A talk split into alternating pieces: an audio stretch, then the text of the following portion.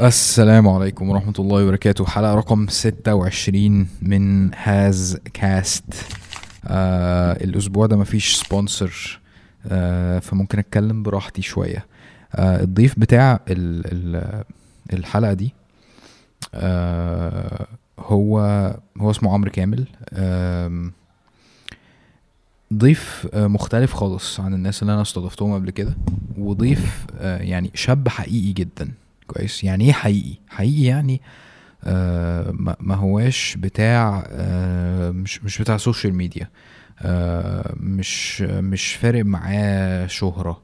آه، بيعمل اللي هو بيعمله عشان فعلا عنده هدف وعنده قضية وعنده رسالة هو عايش عشانها جدا. آه، هو كاتب آه، عمل آه، حتى الآن ثلاث كتب. آه، هقوله لكم يعني هقول لكم الكتب يمكن حد فيكم يبقى قراهم أو سمع عنهم أو كده. أول واحد اسمه حصان طروادة آه، بيتكلم فيه عن ال- ال- ال- الغرب وإن هم بيدخلوا لنا الفكر بتاعهم. آه، هو القصة بتاعت حصان طروادة إن هم حطوا جنود جوه حصان خشب كبير قوي كده اللي فيكم شاف فيلم تروي مثلا أو حاجة ودخلوه كهدية للإيه؟ لل- للعدو. وبعدين بالليل وهم نايمين راحوا الايه الجنود طالعين من الحصان ومدمرين القرية. كويس؟ فده ال concept بتاع الكتاب.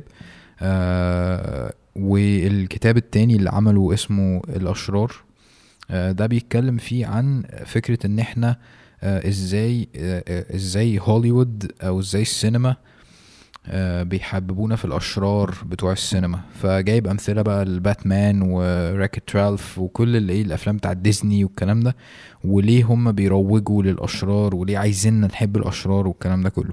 الكتاب التالت كان تطبيق منه آه، على إن هو يبتدي يقدم آه، عمل آه، درامي أو أو أو يبتدي يقدم حاجة في الميديا عامة علشان ما يبقاش بس بيتكلم ما يبقاش بس بينظر ما يبقاش بس بيكتب كتب يعترض فيها على اللي بيحصل والكلام ده. فعمل كتاب اسمه 1986 يمكن يكون فيكو كتير قراه لأن هو كتاب مشهور جدا الأيام دي. فهو يعني بيتكلم عن قصة ليها دعوة بال أو معمولة في وقت تشيرنوبل والكلام ده قصة درامية حلوة جدا يعني. ففي ظل ال- الوقت اللي يعني ناس كتير قوي بتكتب كتب آه، وهي ما هياش آه، يعني ما ما ما, ما هياش ما عندهاش وزن إن هي تكتب كتاب.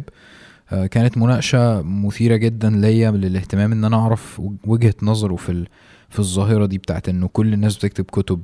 طب إيه أصلا بقت قيمة الكتب لو أي حد بقى متاح لي إن هو يكتب كتاب؟ طب أكتب كتاب إمتى؟ طب المفروض الكتاب ده يبقى عبارة عن آه، قصة حياتي ولا وجهة نظري ولا إيه بالظبط. آه، كل الأسئلة دي وأكتر بكتير يعني وتعمقنا في كلام كتير جدا. الحقيقة حلقة تقيلة قوي على إن أنا ألخصها أو أحاول ألخصها حتى. آه، تابعوها وقولوا لي رأيكم جدا في ال comments. عايز نبتدي آه، نقاش حوالين الموضوع ده.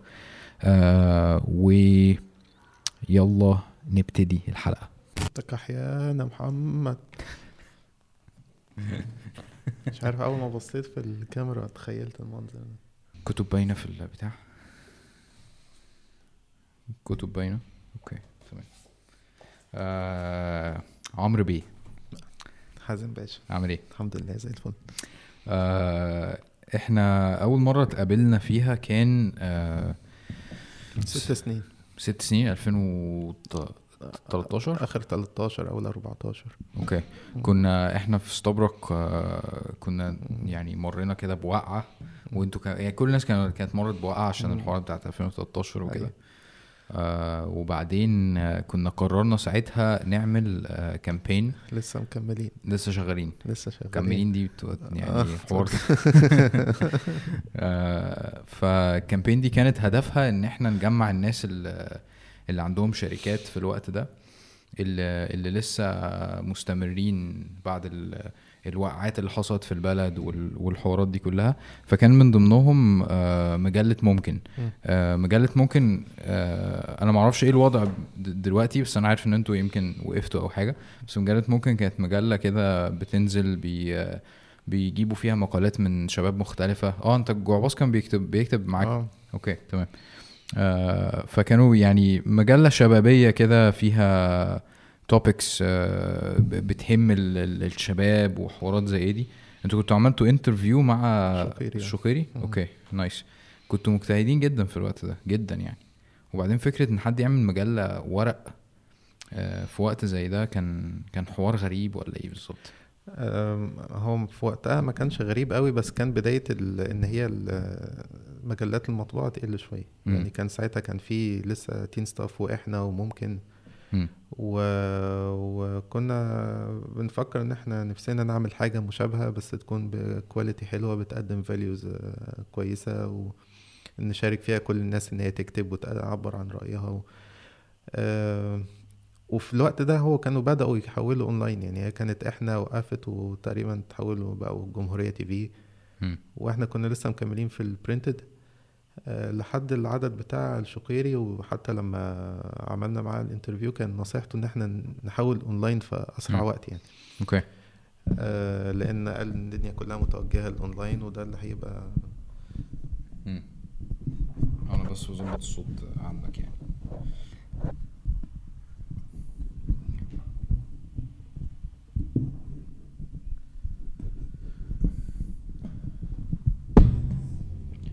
مؤاخذة يا اسطى لا شكرا الله ينور. بس تمام كده. تمام. okay. آه أنتوا اونلاين يعني قصدك إن انت إن أنتوا تعملوا website و... آه، يبقى هو كان website موجود بس قال لنا إن إحنا نعمل آه، ال magazine تبقى اونلاين نعملها زي flip magazine كده. آه.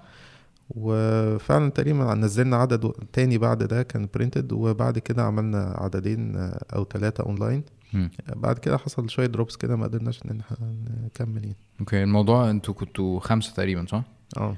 والموضوع ما كانش profitable في الآخر. لا خالص. ولا في الأول ولا في ولا في الأول ولا في أي مرحلة خالص. طبعا أنتوا كام طبعة؟ عملنا 11 كام نسخة قصدي؟ أو آه، ولا قصدي اسمها آه، اسمها كم طبعة. طبعة من النسخة؟ آه، okay. كم كم نسخة؟ كام آه كام version كم نسخة في الطبعة؟ كام كام بتاعة؟ كم عدد؟ آه. المجلة 11 عدد printed أوكي.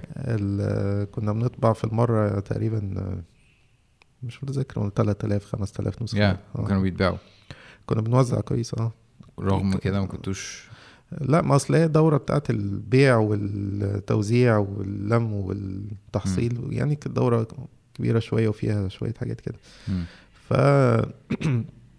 يمكن لما وصلنا للعدد الثامن كانت الدنيا ابتدت آه، ممكن تكون آه، تستقر يعني ويبقى في إعلانات ويبقى في ما طبعا أصل هو ال...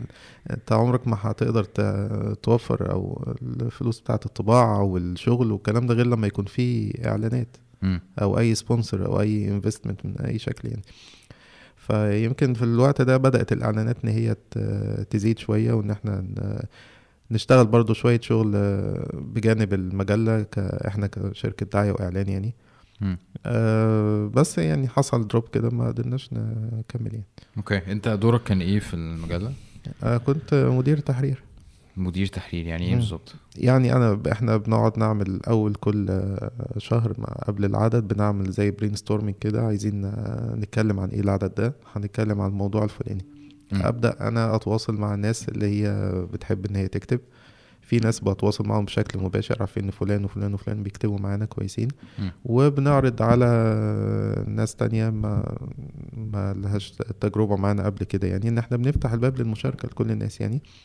بنستقبل مقالات بنراجعها بنقيمها كلنا مع بعض نشوف المناسب منها بنراجعها وبعد كده بن نعمل لها ديزاين وتنزل. أنت كنت بتكتب؟ وأنا كنت بكتب آه كان ليا مقالة. Okay حلو. طب إيه اللي حصل آه، يعني briefly يعني أنا عارف إن في تفاصيل أنت مش عايز تخش فيها.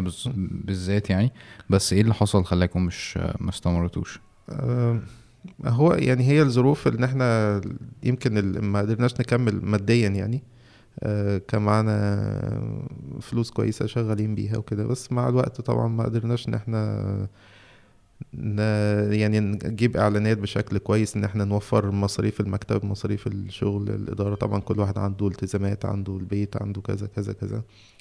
آه، بجانب ظروف البلد نفسها اللي حصلت وقتها ما كان عندنا مشكلة في التوزيع وكان في اشتراكات ما راحتش لأصحابها وطبعا تحصيل. يعني الدنيا وقعت خالص. استقرينا شوية بدأنا عملنا عدد في التاني. آه، طبعا فلوس خلصت خالص ما عرفناش نكمل عملنا أونلاين. بس الأونلاين بقى كان for free خالص يعني. آه وبعد كده لما عملنا عددين تقريبا أونلاين آه ما ما كملناش يعني ما عملناش عدد تالت يعني.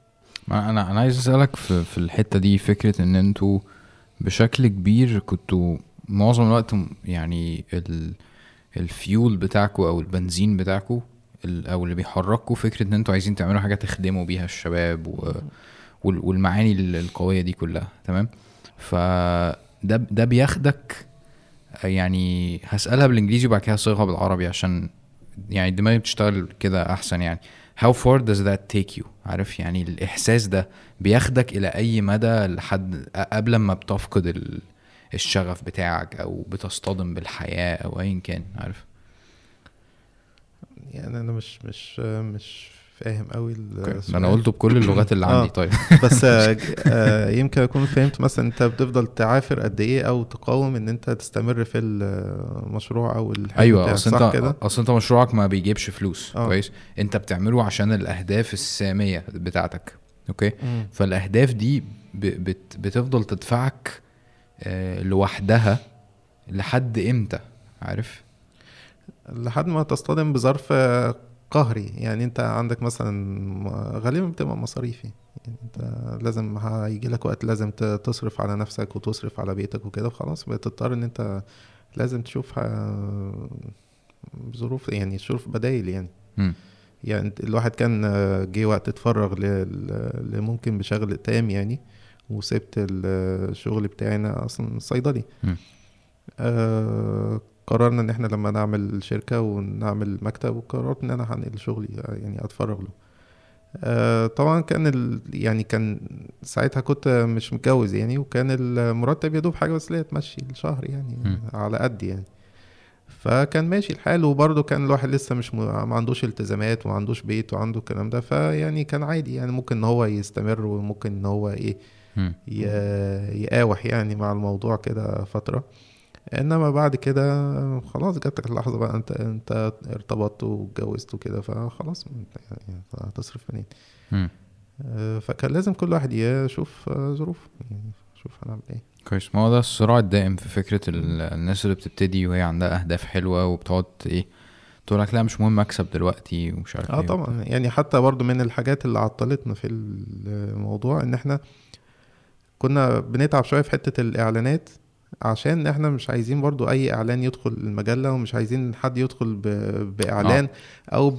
ب investment كبير قصاد كده. يتحكم في آه، في أفكارك يعني يقول لك لا أعمل ده ما تعملش ده نزل دي ما تنزلش دي م. يعني فده برضو كانت حاجة مش حابينها ويعني هي عملت لنا نجاح أي نعم في المجلة بس ما فك project ما قدرناش نكمل يعني كويس. آه، انت قلت انك صيدلي. في حد آه، من من فترة كده في ال comments كان سأل سؤال أو يعني بنت قالت آه، أنا نفسي تجيب حد صيدلي.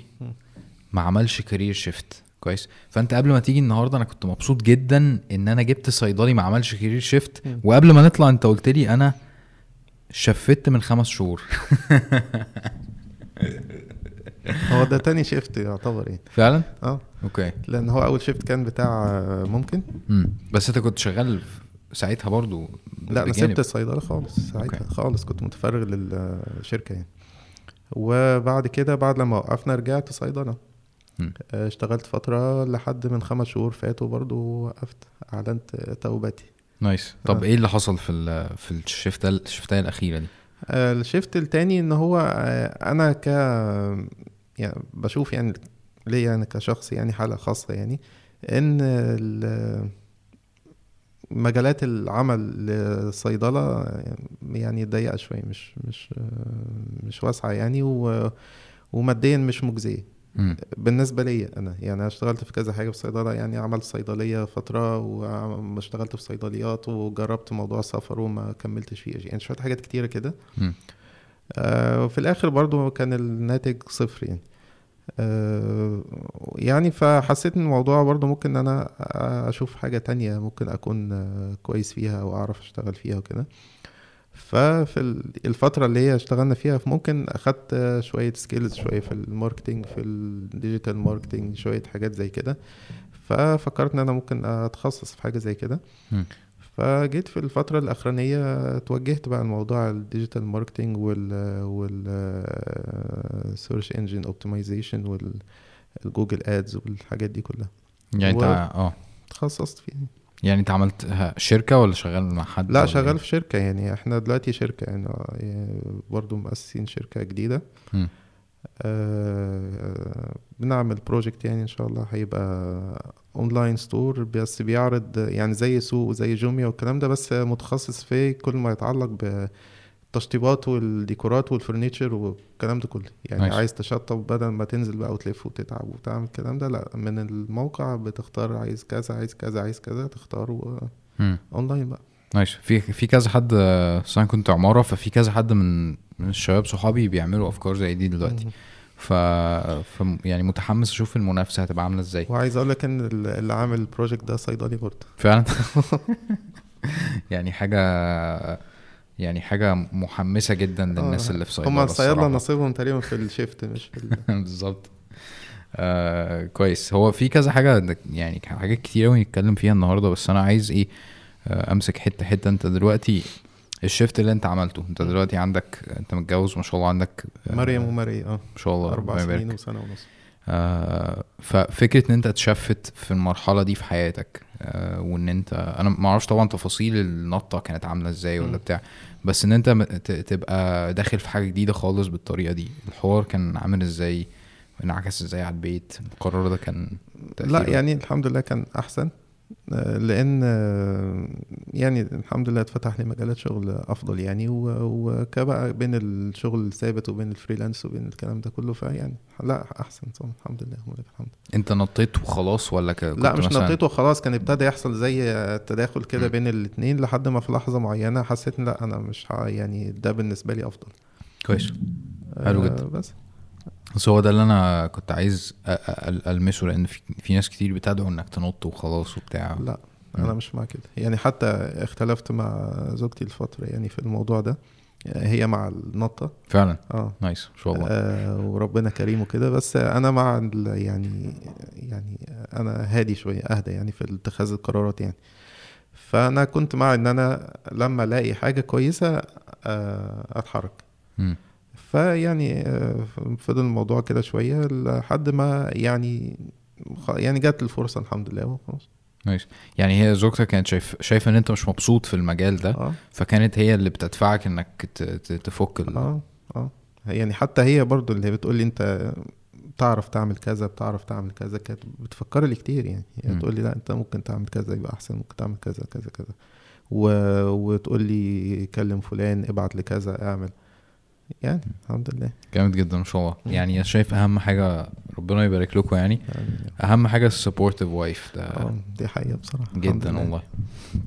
طيب أنت إحنا في ال timeline دلوقتي في إن أنت آه، ممكن آه، واصلة لآخرها وبتاع. وبعدين أنت بعدها أو في الوقت ده تقريبا كنت بتكتب الكتاب ده صح؟ آه الكتاب آه لا كنت خلصته. كنت خلصته. آه. يعني أنت كنت شغال فيه مع ممكن. لا قبل كده. قبل كده. okay. ما هو اصله كتاب سفاح ما شاء الله. أنا محتاج اوريه للناس بس. الكتاب ده اسمه حصان طروادة. آه 700 صفحة. طبعا ما قريتوش. آه، هي بالنسبة لي ممكن كشخص أنا بالنسبة لي هي مش خلصت هي معمول لها hold إلى لحد دلوقتي. إلى أجل آه، لا يعلمه إلا الله. nice. جايز الله أعلم يعني. يعني ال website موجود وال... والأعداد موجودة وكل حاجة موجودة بس آه، الله أعلم يمكن جايز يبقى في فرصة تانية مم. إن شاء الله. الكتاب آه، لا ده بدأت فيه في آه، 2006 مم. كانت برضو حصل آه، ظرف. أنا كنت بشتغل في الصيدلية وكنت بدأت أهتم بالكتب وبالقراية وكده وحصل لي دروب كده غضروف آه، يعني قعدت في البيت شوية فالوقت ده وفر لي إن أنا إيه أبت- أبتدي أبص في الكتب اللي أنا كنت بجيبها وما ببصش عليها. آه و... ومع الحاجات أو مع الميول اللي أنا كنت بحب أقرأ فيها يعني أو طالع عليها ف يعني في فكرة بلورت في دماغي كده. وكنت عايز أعملها في شكل آه، حاجة صغيرة ما تعديش يعني عارف الكتيبات الصغيرة. دي وبدأت أشتغل فيها و... وأنا بشتغل فيها تحس إن في بركان كده عمال. بينفجر يعني يعني فكرة فكرة فكرة وتصحى من النوم لأ أعمل كذا لأ أزود كذا لأ أعمل معرفش إيه آه والموضوع أصلا بدأ قبلها إن هو أنا ما كنتش هعمل حتى دي أنا كنت هعمل أنت عارف ساعتها كان ال الإيميل كان هو اللي بتعمل عليه الفورورد الرسائل اللي هي المجمعة دي. فكنت هكتب ال topic وأبعته. يعني كان هعمل mail shot كده حلو يعني. أقل كمان من كتيب. آه article يعني. مم. موضوع وأنا بجهزه كان وقت العصر كده آه، قلت لأ طب إيه ما أنا أعمل كتيب صغير برضه. الموضوع أصلا حسيت إن هو خطير قوي بقى وموضوع كبير. وما ومسافة ما بدأت أعمل في ال- الموضوع اللي هو الصغير ده الموضوع ابتدى يكبر معايا. وقعدت اشتغل فيه اشتغلت بيه فترة و, و موضوع طبعا بقى بقيت أحاول أ- أوائم الأمور يعني مع الشغل لأن الوقت إن أنت تقرأ وتلخص و... وتكتب أنا حتى يعني أنا بحب أكتب بنفسي على. على الكيبورد ما بحبش حد يكتب لي وأقعد أراجع أنا بحب يعني أكتب وأنقص وأزود وأعمل فكنت بنزل الشغل طبعا بياخد وقت كبير والمواصلات رايح جاي كنت في المواصلات كنت أقعد مثلا معايا جهزت المراجع يعني الليستة بتاع المراجع اللي أنا عايز أشتغل منها كنت باخدها معايا في المواصلات. أفتح وأسطر وأعمل بال marker ومعرفش إيه وأرجع بعد كده أشتغل أكتب منها. وأحوش أحوش files كده. لما يجي دورها ال file ده بتاع الكتاب الفلاني الملخص اللي أنا محتاجه points كذا كذا كذا معرفش إيه وأبتدي أجمع. لأن هو بحث مش مم. قصة يعني فأنت مش مش بتعمل صياغة يعني لا. أنت ده هو بحث. okay. كانت إيه هي الفكرة أصلا؟ الفكرة إن هو الكتاب بيتكلم عن فكرة ال globalization أو العولمة الثقافية. مم. آه، لأن هي زي ما ليها آه، مميزاتها الكتيرة جدا طبعا آه، الاطلاع على ثقافة الغير وافكاره وال يعني وال والحاجات الجديدة والكلام ده كله برضو ليها مساوئها. أكيد. فمن ناحية ال- المساوئ بتاعتها إن أنت بتشوف إن أنت بيبقى عندك ثوابت وحاجات أنت ثابتة عندك متربي عليها سواء في في عقيدتك في مبادئك في أخلاقك في الكلام ده كله. الحاجات دي ابتدت مع ال- الانفتاح الزايد على اللزوم ده ابتدت تضيع يعني. صح. ف والكلام ده بقى أثره موجود يعني. انت بتشوف إن انت حاجات المفروض إن هي بديهية لا بتلاقي إن هي بقى فيها كلام يعني. فهي الفكرة جت من هنا يعني آه، إن هو الموضوع زي ما هو يعني حتى كان التشبيه ساعتها بتاع حسام طروادة اللي هي الفكرة إن هو يعني نسبة للأسطورة بتاع طروادة يعني.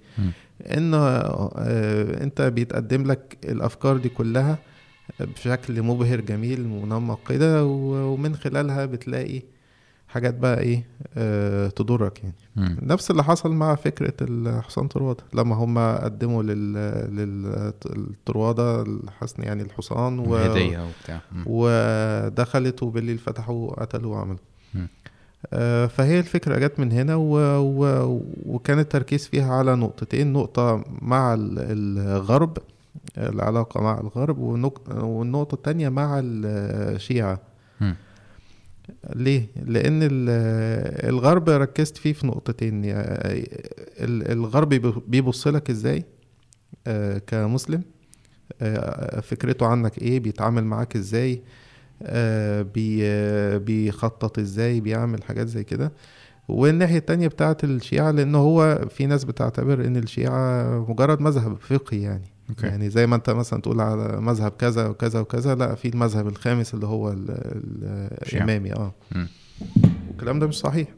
هي ديانة تانية أصلا تماما مم. تماما أنا دلوقتي ما بتكلمش بقى في أنا بتكلم كلام عام جدا ما بخصص بقول فلان ولا فلان ولا فلان لأن الحكم العام غير الحكم الخاص.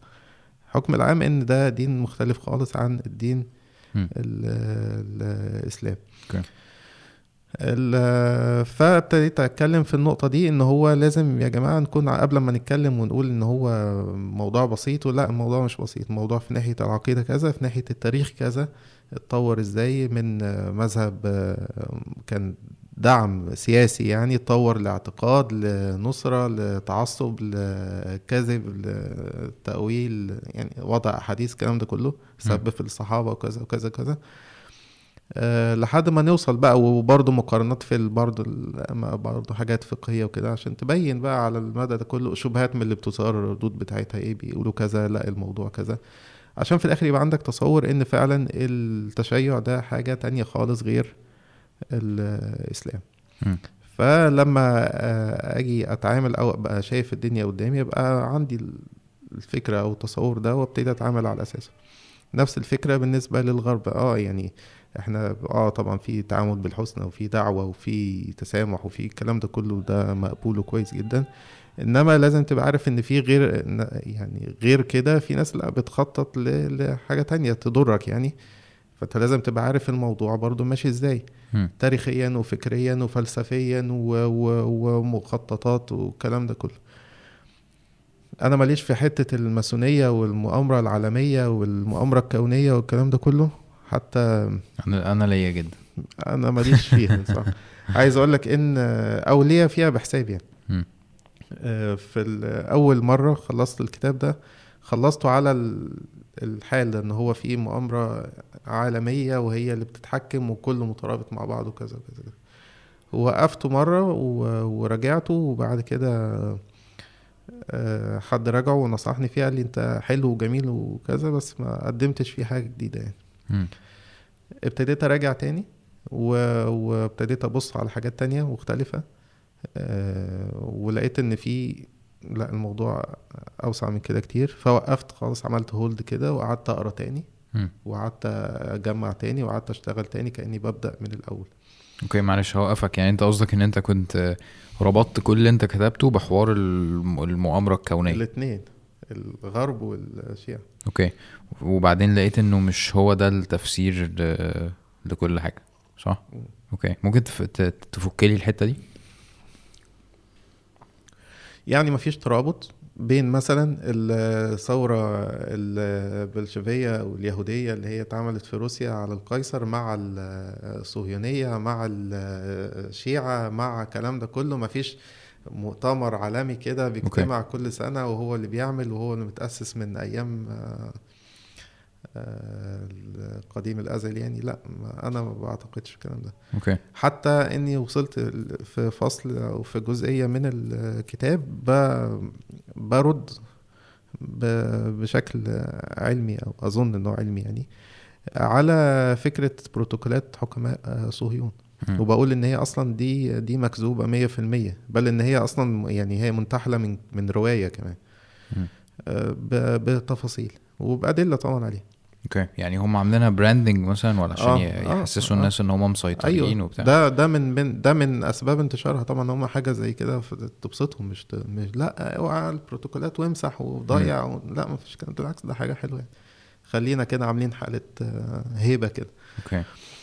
آه من الحاجات برضو ال ال يعني ال ال اللي في الكتاب إني بتكلم على فكرة الصهيونية. آه تاريخيا بس من وجهة تانية يعني يعني إحنا يعني كتير مننا بيعتقد إن الصهيونية دي أساسها يهودي م. في حين إن مش اليهود مش اليهود هم اللي أسسوا الحركة الصهيونية وهم اللي بدأوا يتحركوا يعملوا لا بالعكس ده كان في تيار أصولي مسيحي إنجيلي هو اللي بدأ في الأول هو اللي يحرك اليهود إن هم يعتقدوا في الموضوع ده يعني الصهيونية قبل كده كانت بدعة بدعة في اليهودية وكانت علامة كفر يعني م. إن أنت بتعجل بقدوم المسيح okay حتى في لحد دلوقتي آه، ناس من اليهود اللي هم الناتوري كارتا لو تشوفهم بيلبسوا الحاجات دي ساعات بتشوفهم لابسين كوفية فلسطيني والكلام ده. إن هم بيناهضوا الصهيونية آه، دول هم من الناس بيعتقدوا في كده بيعتقدوا لا إن الصهيونية دي بدعة وإن هو المسيح هيجي في وقته يعني مش إنما ما تعجلش أنت بقدومه يعني. وبيختلفوا مع الفئة دي من من اليهود هم هم الأقرب لل لل... لليهودية الحقيقية ولا؟ آه يعتبر آه يعتبر كده طبعا تمام. اصل مراتي آه، دارسه عبري فكانت لسه بتحكي لي عن ال... عن الفئة دي قريب يعني فلمست آه معايا هتشوف صورهم. حتى بيطلعوا في في في في حاجات يعني وقفات ومع شيوخ مسلمين ومع حاجات زي كده فده التفسير بتاعها يعني.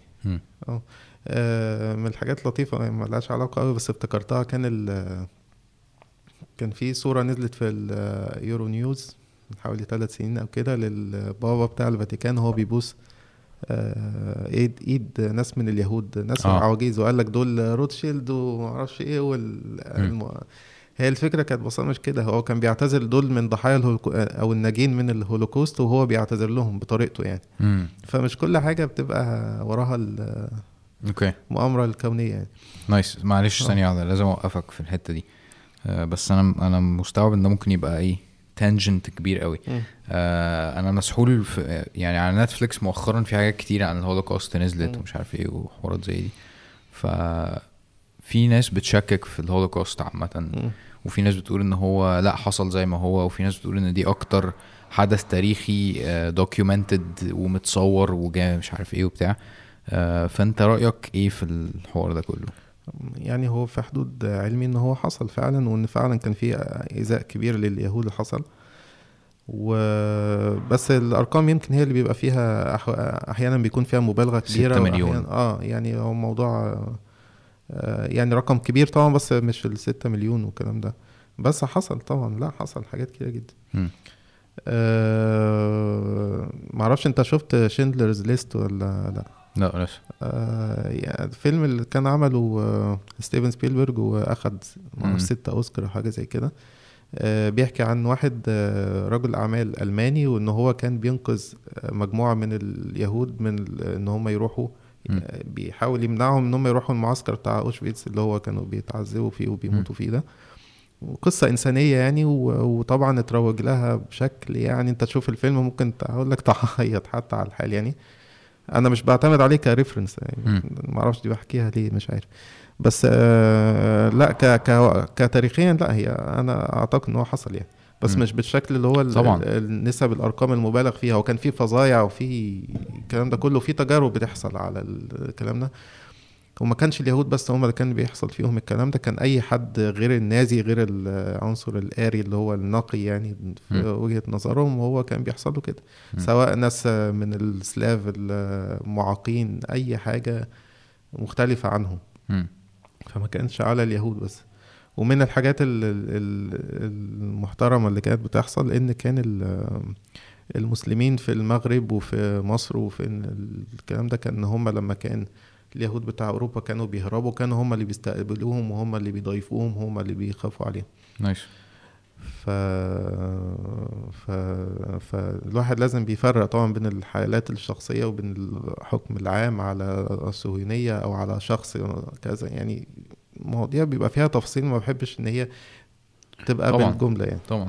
أنا أنا بالنسبة لي لما أنا شفت فيلم The Pianist واحد آه شفته؟ زيه يعني زيه آه كده. ما أنا متخيل إن هو زي آه. Schindler's List يعني. بس أنا بالنسبة لي أول ما بشوف فيلم آه، معمول بالطريقة دي آه، ومؤثر بالطريقة ديت وايموشنال وبيتكلم وبيحكي قصة تاريخية بالطريقة ديت بفترض على طول إن هم عايزين ي- يعيدوا كتابة التاريخ بشكل طبعاً. ما طبعا. زي أفلام الحرب بتاعت أمريكا كتير. زي أي حاجة. ما- يعني دي نقطة مهمة ممكن أكون حابب أتكلم فيها معاك. آه بس خلينا نقفل okay. نرجع تاني لل آه. آه. آه، هي Schindler's List دي قصة حقيقية. حتى okay. في آخر الفيلم خالص صوروا عند آه، قبر الراجل اللي هو الألماني ده إن هو حتى اتدفن في في آه، فلسطين المحتلة يعني. وقبره موجود آه، فبس ف يعني الفكرة إن هو الموضوع فيه عوامل تانية غير المؤامرة المباشرة دي والمنظمة بشكل مبالغ فيه دي لا خلتني أعيد نظر في الموضوع وقعدت اشتغلت فيه تاني و... و...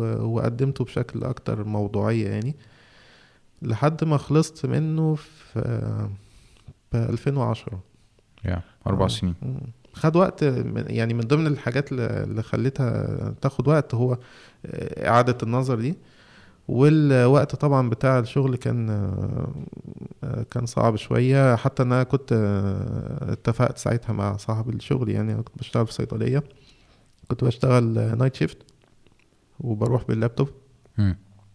بروح في المواصلات أراجع وأعمل معرفش إيه وأطلع بالليل الدنيا تهدى وأفتح لابتوب وأقعد إيه. أكتب. كويس. الموضوع كان بيمشي أحيانا كويس ساعات بيعمل شوية يعني. آه، آه، يعني حساسيات كده خد بالك من شغلك ما أعرفش إيه الحاجات دي. آه، بس في يعني الحمد لله في العموم كان راجل متعاون يعني الحمد لله وده من الحاجات اللي سهلت الموضوع يعني ولحد ما خلصت في 2010 وبعد كده اديته للدكتور محمد يسري سلامة الله يرحمه آه. آه. آه، ورجعوا ويعني الحمد لله اتبسط منه جدا. مم. وأنا قاعد معاه كان ساعتها هو كان بيشتغل في مكتبة اسكندرية 2010 آه برضو فتح لي حاجات كده. آه عايز اقولك إن هي نقلتني نقلة تالتة في. الكتاب. قعدت اشتغلت فيها تاني وفعلا كانت من الحاجات اللي كانت مفيدة جدا. بس النقلة دي ما خدتش وقت بقى كبير المرة دي يعني خدت وقت شهور يعني. و... و... ومرة تانية كلمني اقترح عليا موضوع إن أنا أشتغل فيه و... بس أنا قلت له لأ الموضوع ده أكبر بقى من حجمي كتير أنت كده خدت مقلب يعني فيا. ف خلصت 2010 و... و... وكان جاهز للنشر. آه، وبس جت الظروف الثورة قامت والدنيا فالمعرض ساعتها اتلغى. فهو ما نزلش في المعرض بتاع 2011 نزل في المعرض بتاع 2012 مم. وفضل بقى من ساعتها موجود يعني طبعة في التانية الحمد لله. okay. ماشي الحال. طيب يعني أنت عشان بس أرجع تاني. وموجود PDF آه. على فكرة موجود برضو ال for free يعني اللي حابب يقرأ PDF يعني ما عنديش أي مشكلة. يعني هو انت انت ممكن تشتريه. آه موجود. ممكن تشتريه لو حابب تقرا المطبوع وأنا منزله for free PDF يعني لو حد عايز. okay أنا كده غالبا هقراه بعد الكلام الكتير اللي انت قلته ده و... أتمنى. و... وأنا أنا مستوعب فكرة ان انت حاطط فيه مجهود كبير قوي ومش عارف تلخصه طبعا في يعني لا آه ولما قلت ست سنين ف يعني وش لازم يتقري يعني. موضوع الم... ال- الاختصار ده جالي فيه notes كتيرة أوي انت لازم تختصر لازم تختصر لازم تعمل بس للأسف ما قدرتش يعني. ال ال ال ال الباب بتاع الشيعة بالمناسبة كنت بوثقه من كتب الشيعة نفسها بشكل مباشر نايس. جدا. يعني أنا يعني الكتب في الفترة اللي كنت بشتغل فيها دي كانت موجودة في آه، في مكتبة اسكندرية معروضة. آه، باستثناء كام كتاب كده في ال في ال الكتب النادرة فكنت تروح تطلبها مم. فكنت بروح بسافر بقعد في اسكندرية ك- كذا يوم وأروح المكتبة أقعد من الصبح لحد ما بتقفل وأقعد أشتغل أشتغل ب- بقى إيه ب- بوثق الكتب عشان ما يبقاش أنا بقول كلمة مم. عليهم لأن كانت طالعة موضة ساعتها. الكتب بتاعت الكلام عن الشيعة كانت كتيرة. لما بدأت أشتغل منها أبص للمراجع أرجع ما ألاقيش المصدر. مم. فقلت لأ لازم الحاجة أشوفها بعيني. نايس. اشتغلت على كل حاجة الحمد لله وثقت لحد ما جت آه، لحظة بس كانت دي كانت في الآخر. الحمد لله هم آه، دخلوا كتب الشيعة كلها من العرض. آه، منعوها من العرض. بقى اللي عايزها كحد متخصص أو كده لازم يروح يطلبها. أنا عديت الحمد لله يعني المرحلة دي وخدت اللي أنا عايزه. فالموضوع موثق الحمد لله يعني كل حاجة بالمرجع بالطبعة بالكلام ده كله. عشان ما ما ما نقولش إيه إحنا بنسمع عنهم إن هم بيقولوا كذا. لا إحنا هم بيقولوا كذا. okay. آه، أو الأئمة بتاعتهم تقول كذا يعني ما أعرفش مثلا okay. كناس عامة آه، كل واحد له ظروفه بقى في واحد آه، على علم وفي واحد على جهل الله أعلم. أنا بتكلم في الكتب بتاعتهم وكان الائمه بتاعتهم بتقول كذا. ونفس الكلام برضو في الباب التاني برضو كل حاجة الحمد لله كانت very documented يعني. ده من الحاجات اللي خدت مني وقت في الموضوع إن أنا أوثق كل كلمة بتتقال. كويس. وأنا اللي اللي بي بيفاجئني جدا فكرة إن أنت وأنت طبعا في الفترة دي أنت كنت obsessed تماما. كنت قاعد يعني ما بتعملش حاجة غير ال- الحوار ده صح؟ كنتش متجوز صح؟ okay. وكنت بت يعني قايم نايم بتكتب وبتجيب آه. كتب ومش وبصحى من النوم على أفكار وأقعد أشتغل و... nice. كان يعني الموضوع كان شاغل دماغي إحساس جامد جدا صح؟ جدا. إن أنت تبقى عندك. هدف صريح بالطريقة دي صح؟ ما يتوصفش. nice جامد صراحة. جدا. وأنا كتير جدا بفكر أصلا أكتب آه، يعني ده من ضمن ال topics اللي عايز أكلمك فيها. آه، أنا بحس إن إن مؤخرا آه، يعني سكة إن أنت إن حد يكتب كتاب بقت سهلة قوي. كويس. والسوق بقى إيه؟ آه يعني في أي حد عارف؟ بي بيهبد في هو بقى تجاري أكتر من الأول يعني الأول كان برضو الموضوع selective شوية. دلوقتي لأ دلوقتي بقى المعرض عشان يشتغل لازم مم. كتب كتب وخلاص. أنا كتير قوي أصلا اتعرض عليا أكتب وبعدين مراتي آه، طرقعت لي الصراحة قالت لي مش هي زيطة عارف. كله بيزيط أنت هتزيط ليه؟ ومش عارف إيه وبتاع.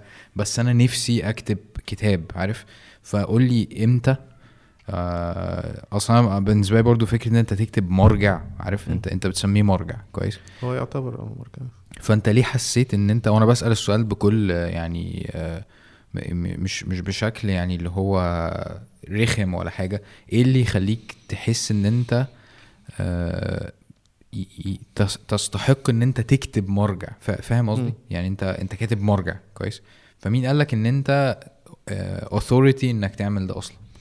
آه لا وقتها ما حدش قال لي. آه بس بعدها اتقال لي كده. من كذا حد آه أحترم رأيهم جدا. قال لك عاش ولا قال لك لا fuck قال لي عاش.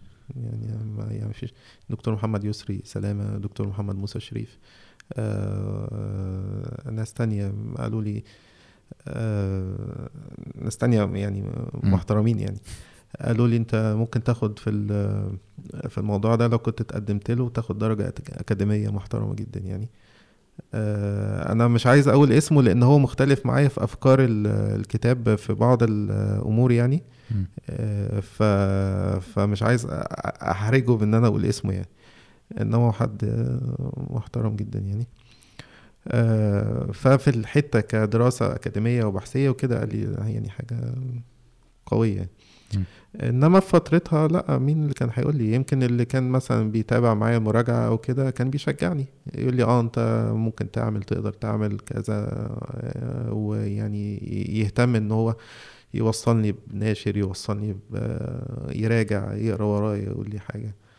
آه، بس بس بس بالنسبة برضه أنت لازم بتعتمد على يعني على نفسك يعني بعد ربنا سبحانه وتعالى.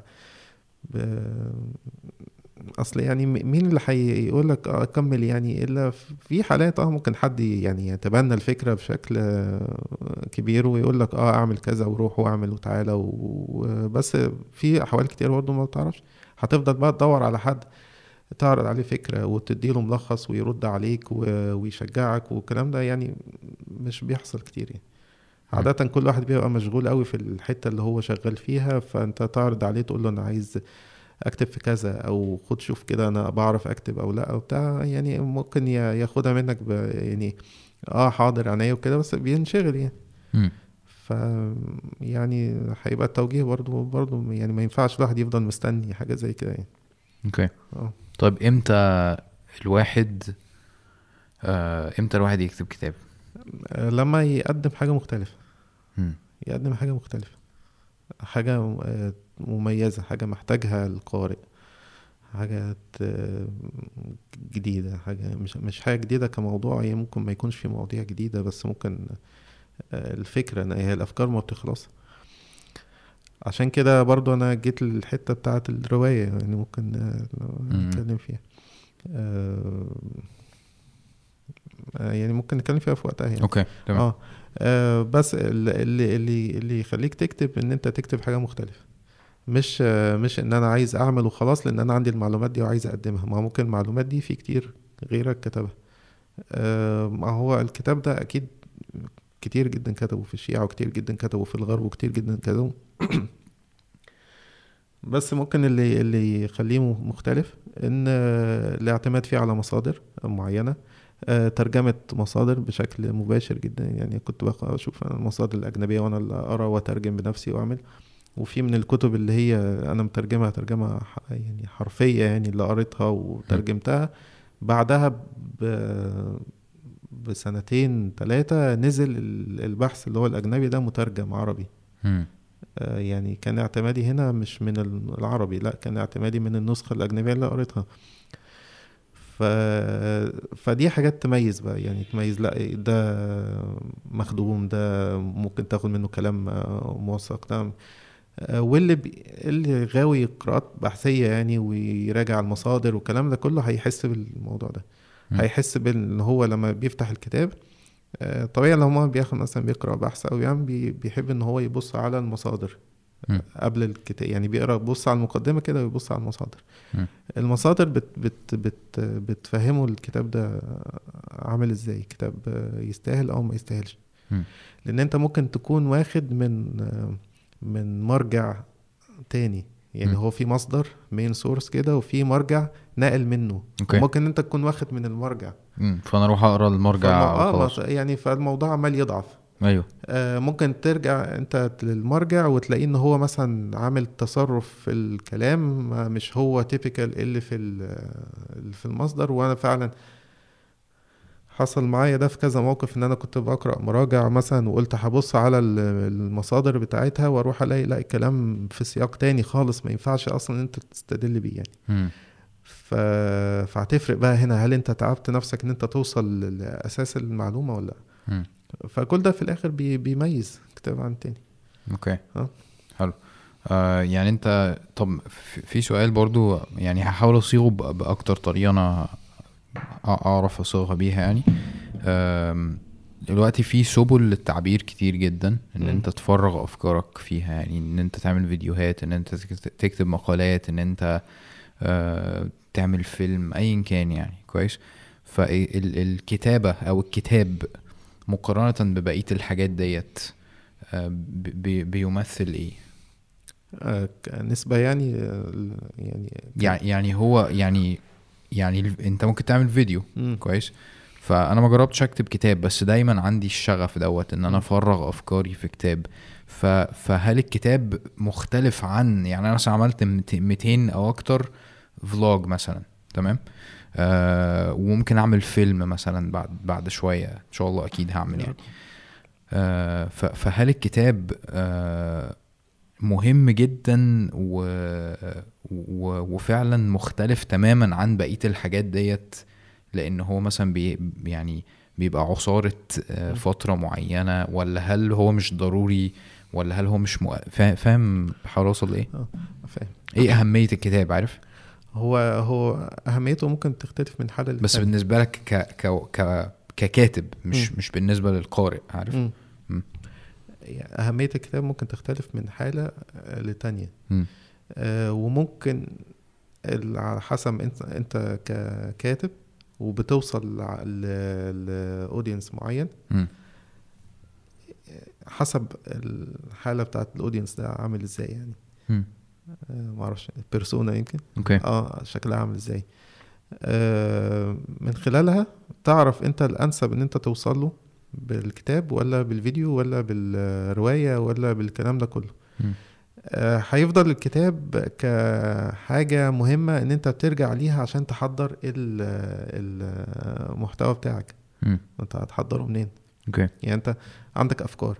الأفكار مش من كتاب. الأفكار دي من دماغك تجارب شخصية كذا كذا كذا. إنما عشان تأكد عليها بأدلة موضوعية أو بحاجات لو هي مثلا فيها حاجة مثال علمي أو حاجة تاريخية أو كده لازم هترجع في الآخر لمصدر. م. فالمصدر ده هيكون إيه؟ هيكون الكتاب. بس ممكن يبقى فيديو. ما هو الفيديو هيجيب منين؟ ما هو الفيديو اللي بيحضر الفيديو بيحضر منين؟ لو مادة تاريخية أو مادة علمية أو مادة ثقافية. ما هو لازم من كتاب برضه. يعني هو لا غنى عن الكتاب في كل الأحوال. م. بس هو الكتاب دلوقتي دوره فين؟ آه، هل دوره للقراءة المباشرة كده إن أنا أقعد وأقرأ كتاب والكلام ده ولا إن أنا يعاد صياغتي لحاجة لمادة تانية ممكن توصل للناس بشكل أفضل. يعاد صياغتي أنا ك... ك... كشخص creative يعني. آه, آه أنت اللي تعيد صياغة الكتاب لمادة تانية تناسب ال audience بتاعك. م. إنما في الآخر برضه هترجع للكتاب. أوكي. آه بس يعني من وقت يمكن لحد آه، الفترة اللي هي بتاعت الألفينات واللي إحنا عشناها والفترة اللي هي مثلا أواخر التسعينات والألفينات قبل كده أنا مع يعني ما أقدرش أحكم يعني أنا مواليد 82 ف لحد 99 كنت في ثانوي. ففترة اللي هي الوعي بقى بالحاجة زي كده يمكن هي الفترة دي اللي هي من ثانوي وجامعة وطالع فالفترة دي طبعا كان الكتاب كان فيها مهم جدا.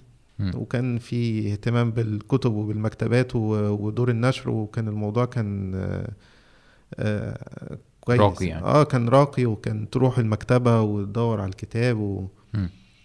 و... والمكتبات كانت بتشتغل كويس.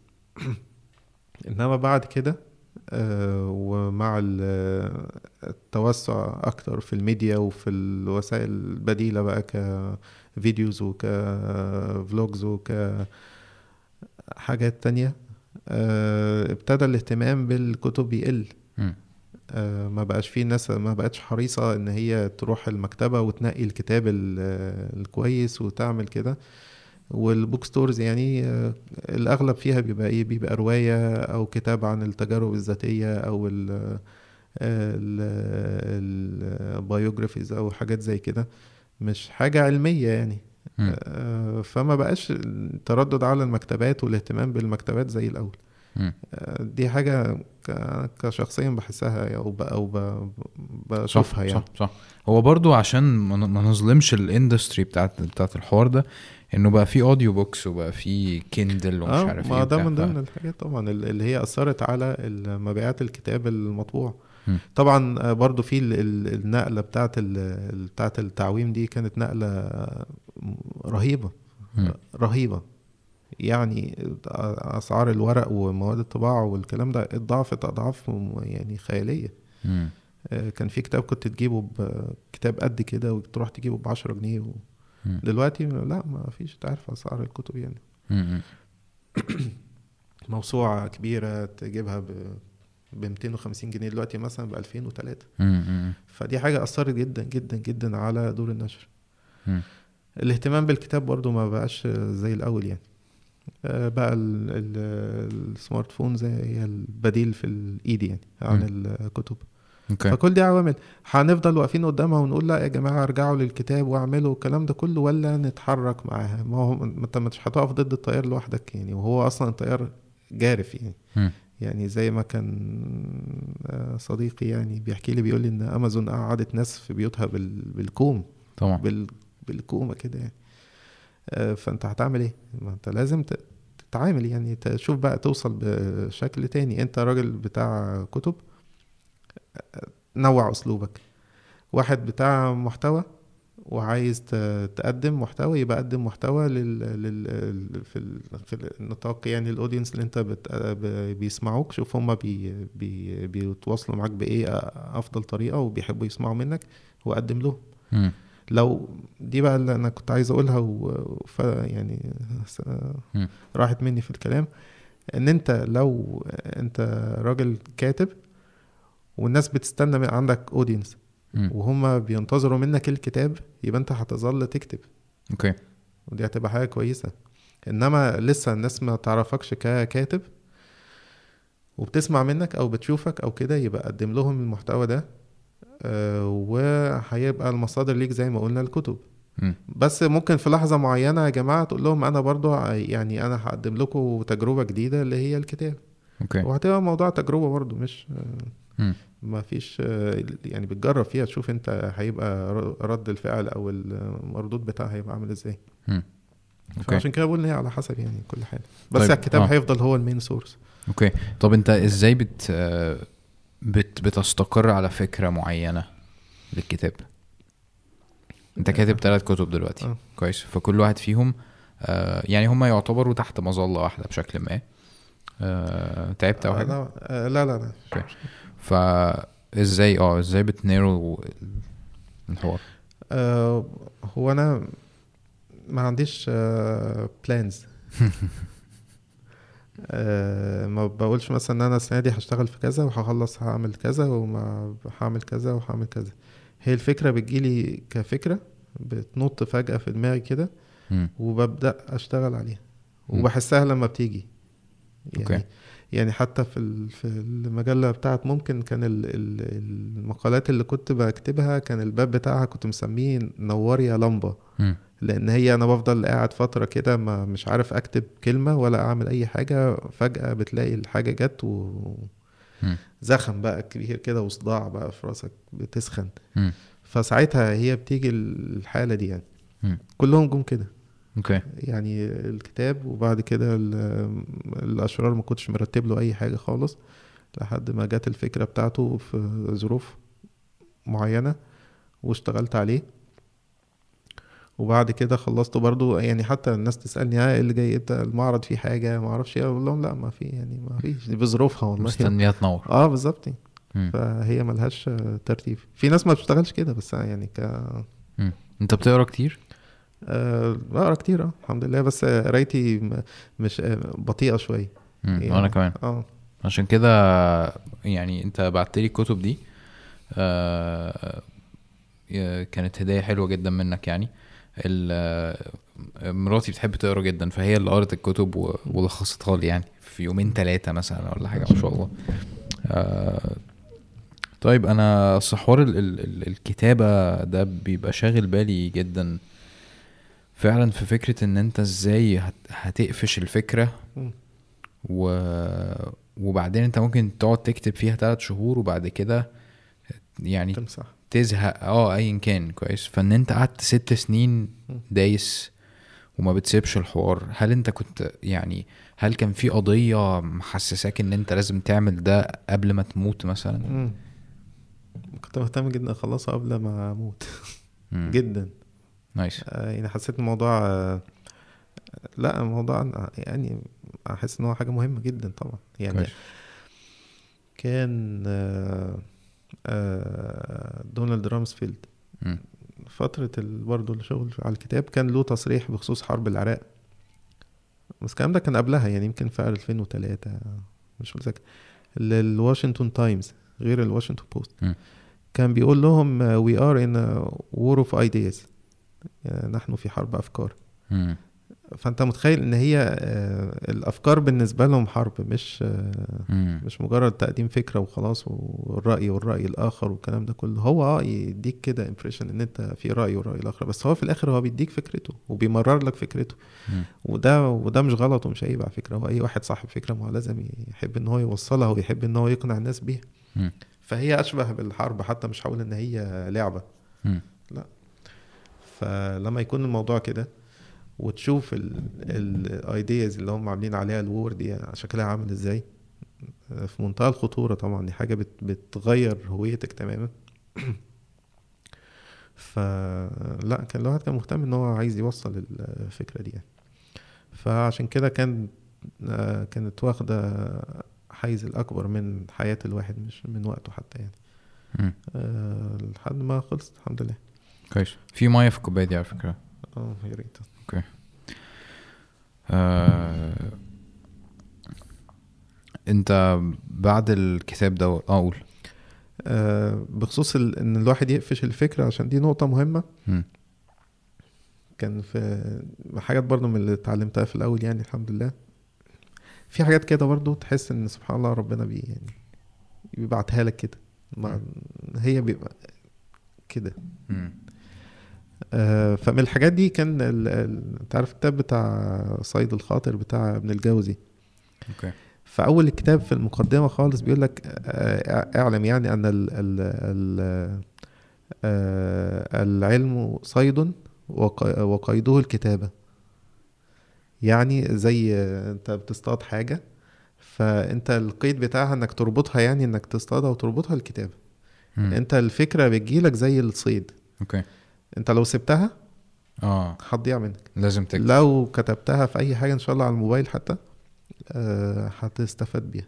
مم. يعني ودي دي دي حاجة يعني في في الوقت بتاع الإعداد بتاع الكتاب كنت بسجل كل حاجة في ورق كتير كده كتير يعني. حتى الورق دلوقتي عندي منه شوية افتحه بلاقيه بقى اتبهدل من الوقت يعني من ال... ففي فكرة نسيت أكتبها. في. فكرة نسيت أكتبها فعلا ولحد دلوقتي بحاول أفتكرها وكان أنا كنت شايف إن هي حاجة مهمة جدا ولحد دلوقتي بحاول أفتكرها كان المصدر بتاعها فين أو كده ومش عارف أجيبها. وضاعت عليا من في الكتاب فمهم جدا الواحد لو جات له الفكرة يسجلها. هيجي له فايدة هيجي له وقت هي- هيحتاجها nice بخصوص إن هو يجي مثلا ممكن بعد وقت إن هو يشتغل فيها ثلاث شهور أو كده وي cancel الفكرة دي بقى بترجع على حسب اهتمامه بالموضوع هل هو شايف إن هو حاجة فعلا مهمة محتاج يشتغل عليها ولا لأ آه إنما ال- الحاجة الصحية في النقطة دي إن. إن الواحد لما يكتب حاجة يسيبها شوية. ويرجع يبص عليها بعد وقت آه، وقت مناسب يعني فترة كافية يرجع يبص عليها الفترة دي هيكون اطلع على حاجات تانية وقرأ وفكر تاني ومعرفش إيه فلما يرجع يبص عليها هيعيد نظر فيها يا إما هيلاقيها حاجة مناسبة هيكمل عليها يا إما هيبص عليها هيبقى مكسوف أصلا إن هو يبص عليها يعني مم. بيقفلها ويعمل كده أهو ويرميها. كويس. بتفلتر نفسك يعني. آه فدي حاجة صحية جدا. كويس. أعتقد اللي أنا بسأله هو هل ال أو حتى مش بسأله أنا بح- بحاول ألخص اللي أنت بتقوله ده. آه، هل الكتابة بتيجي الأول ولا الفكرة؟ عارف هل أنت بتقعد تقول أنا لازم أكتب كتاب ولا الفكرة جات لي و- لا لا مم. لأن هو ما كانش فيه أصلا في ال... في الاعتبار خالص إن الواحد يكتب كتاب أصلا ده كان الفكرة كان كلها كانت ميل مم. آه، والموضوع بعد كده جاب اللي وراه. فاتطور له إن هو تكتب كتاب فما بقتش الفكرة حتى ولا مع الكتاب التاني ولا التالت إن هو إن أنا لازم أعمل كتاب لا هي لو في فكرة يعني لما حد بيسألني في فين الجديد ما أعرفش بقول له والله أنا لو في حاجة هشتغل عليها إنما لو مفيش حاجة مش هقعد أعمل بالعافية. أه واحد مرة قابلني في المعرض في 2012 إيه يا دكتور مفيش حاجة جديدة ما أعرفش قلت له لا والله لسه ربنا يسهل يعني. قال لي يا باشا أو 25 يناير والدنيا ومشي حالك و... قلت له لا أنا مش. مش بشتغل كده بصراحة ما أعرفش يعني. نايس. لأن ساعتها طبعا كان زرباحة كتب يعني كله بقى 25 يناير ما أعرفش إيه. والأمجاد وكده فطبعا كان كله بقى يعني كانت. موضة يعني. فقلت له لا ما أعرفش أعمل كده. كويس. هل الكتب دي آه، مربحة؟ أو هل الكتابة مربحة؟ لا. okay حلو. هو ده فلتر حلو برضو. يعني فلتر حلو يختبر فعلا أنت بتكتب ليه؟ عايز تكسب. يعني ده ده خدت منه حق طبعة أو طبعتين. مبلغ لا يذكر. ده ليا فيه آه، فلوس كتيرة ما خدتهاش. ليه؟ لأن الناشر اللي قبله كان فلس واختفى. فما ما فيش لا ما فيش. nice. إلا في في حالات طبعا مربحة يعني. آه اسم بقى وطبعات و و و marketing وشوية حاجات كده. آه وجايز كانت تفرق شوية برضه قبل موضوع التعويم. okay. آه لو كان نتكلم بقى ك money wise يعني. إنما لا ما أنت عملت كام طبعة من آه، طروادة آه ثلاثة ات- الطبعات دي معناها إن أنت يعني بتطبع مثلا مية ألف في آه، ولا, بتعدل حاجة فيه ولا لا بيخلق بتطبع عدد معين من النسخ مم. ألف في ألف مثلا بيخلق تخلص الألف بتطبع الألف التانية التالتة كده. أصلا كنت فاكر إن الطبعة التانية مثلا معناها إن في حاجة جديدة اتضافت في ممكن حاجة ممكن آه أوكي. ممكن. تمام. دي التالتة. وهي زيها زي التانية اللي هي اونلاين موجودة ومختلفة كتير عن الأولى. آه، الأولى أنا ما بحب ما بحبش أبص فيها أصلا. آه، لما ابتديت أجهز يمكن للتانية أو كده لقيت إيه يعني إن أنا ممكن أظبط حاجات زي الأشرار برضه نفس الفكرة الأولى غير التانية غير التالتة كنت بتضيف آه، آه. أفلام جديدة مثلا وأفكار جديدة وبتاع أفكار آه، أفلام تلاقي غ- غلطة تصلحها أي حاجة مم. حاجات مختلفة كتير أنا أكتر حاجة بت يعني بتعلم عليا في حوارات ال creation ديت خصوصا في الكتابة وبتاع يعني مثلا لو بكتب سكريبت مثلا. short movie أو حاجة زي كده فكرة إن أنت بتيجي بعد فترة بتعدل وفكرة إن أنت أفكارك بتتغير وبتاع مم. فبقارن ده بان القرآن ما اتغيرش خالص لحد دلوقتي و... و- ومعجزة ال- الكتابة في حد ذاتها بتاعت القرآن مم. الناس دايما بص بتبص على القرآن إن هو في إعجاز مش عارف علمي في إعجاز مش عارف معاني معينة أحاسيس مش عارف م. إيه بس الكتابة في حد ذاتها كون إن أنت بتكتب م. هتستوعب قد إيه أنت مش حاجة خالص عارف؟ وعظمة القرآن. وانت كل ما تقرأ كأنك بتقرأ أول مرة يعني ممكن تستفاد من الآية كل مرة بشكل غير التاني. مم. nice. طيب انت دلوقتي آه، في ال timeline آه، الكتاب ده اتعمل 2000 و- أو يعني آه، 12 2012 كويس. آه، ده طلع بعديه بقد إيه؟ الأشرار. ده طلع في 2016 okay. بدأته إمتى؟ بدأته في 2015 تمام. الفكرة بتاعته جت برضو عن طريق إيه يعني ما ما كانش برضو في البال يعني إن الواحد يكتب أو يكتب في المجال ده برضو خالص. آه، آه، إنما الفكرة جت عن طريق ملاحظة. مم. آه، جات لي وأنا بتفرج على فيلم ماليفيسنت. الجديد اللي هو بتاع أنجلينا جولي. أيوه. الفكرة أنا أصلا ليه اهتميت إن أنا أتابع الفيلم؟ وقتها حتى ما كنتش مهتم إلا بأفلام مش في بالي يعني. بس ال ال ال ال ديزني classics عموما مم. أنا كنت بحبها وبشوفها وأنا صغير يعني فحاجات يعني متربي عليها. فلاحظت مرة وأنا في المول شايف poster معدي جنب السينما ف poster أنا عارف القرنين دول. فبصيت لقيتها ماليفيسنت إيه ده؟ دي مش دي ماليفيسنت اللي كانت الساحرة الشريرة في Sleeping Beauty. اتعمل لها فيلم مخصوص. طب إيه ده؟ طب فاتفرجت. أه لما اتفرجت لقيت حاجة آه، مدهشة بصراحة. يعني لقيت إن القصة اختلفت 180 درجة. مم. يعني هو كان التركيز في القصة الأولى اللي هي الكلاسيك اللي هي كانت آه، ديزني أنتجها سنة 59 وهي أصلا رواية من ال fairy tales يعني في القرن ال 17 مم.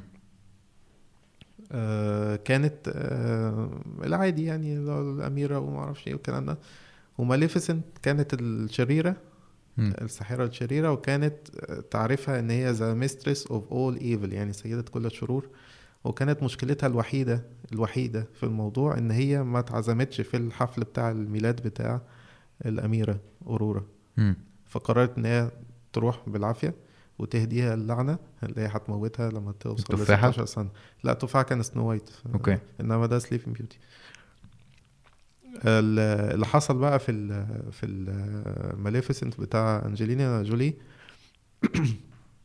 عملوا prequel للقصة. جابوا ال back story بتاع origin. origin story يعني آه مم. ودي موضة دلوقتي شغالة يعني. في حاجات كتيرة جدا كويس مشكلتها إن هو لما بيعمل كده بيجيب لك بقى إيه ال- الموضوع بحالة تانية أنت ما كنتش زاوية تانية أنت ما كنتش شايفها خالص. آه بيخليك تتعاطف مع الكاركتر جدا مم. جدا هو تبين مثلا في القصة العكس تماما يعني أبو أبو أورورا اللي هي الأميرة طلع هو اللي خانها وهو اللي أذاها وهو اللي عمل وكذا وكان هيقتلها والكلام ده عشان يتجوز بنت الملك و- مم. قصة كده خانها يعني من الآخر فهي قررت إن هي تنتقم منه وبعدين في آخر الفيلم كان طلع إن هي يعني في Sleeping Beauty بيجي الأمير بيديها ال true love kiss هي اللي بتصحيها من النوم. في الفيلم بتاع Maleficent الأمير جه واداها ال love kiss وما طلعتش true ما صحتهاش. اللي اداها ال true love kiss وصحيت منها Maleficent نفسها. فبص ده لا ده ضرب لك في الثوابت بتاعتك يعني. فحاجة زي كده يعني شدت انتباهي. إيه اللي يعني ده غريب قوي يعني. آه, فاللمبة نورت. آه. ما- لما بتنور بقى يعني. يعني هي المشكلة إن هي لما بتنور بتيجي على حساب حاجات كتير قوي. طبعا أنا متخيل مش عايز أقول للأسف يعني هو طبعا كله في الآخر خير والتحدي بص التحدي فعلا حقيقي في حياتك إن أنت تعرف أو إن أنت تسعى تحاول إن أنت تعمل الحاجات دي كلها بالتوازي مع بعض. توفق بين بيتك وأنا ساعتها كان عندي لا كانت زوجتي كانت لسه حامل. لا كانت عندي مريم كانت لسه مولودة. آه، أو كانت في الفترة اللي الولاده والحمل آه، توفق بين ال- الظروف البيت وظروف شغلك. المادية وبين إن أنت تقرأ وتراجع وإن أنت تكتب وتلخص وتشتغل وتعمل ويعني. آه، لا التحدي كان صعب. فالموضوع يعني الملاحظه بقى اتكررت مع كذا فيلم آه، مشيوا بنفس الطريقة. معلش في موضوع التحدي ده انت هل موضوع ان انت كنت شغال شغلانة من 9 ل 5 أو بتاع ولا هي كانت كام؟ آه 9 ل 6 8 ل 6 تمام. هل ده كان بيساعد في حتة ان انت عارف تلاقي وقت أو عارف ت...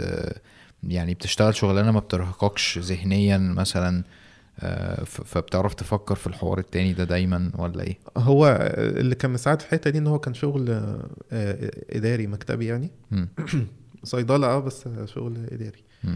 فكان آه، مفيش مجهود بدني أوكي آه، بس كان في مجهود برضه فكان في إجهاد برضه إن أنت بتصحى من بدري جدا وبتخلص متأخر وبترجع بيبقى في التزامات البيت وكده فكنت بتحاول تسرق وقت من أي حاجة.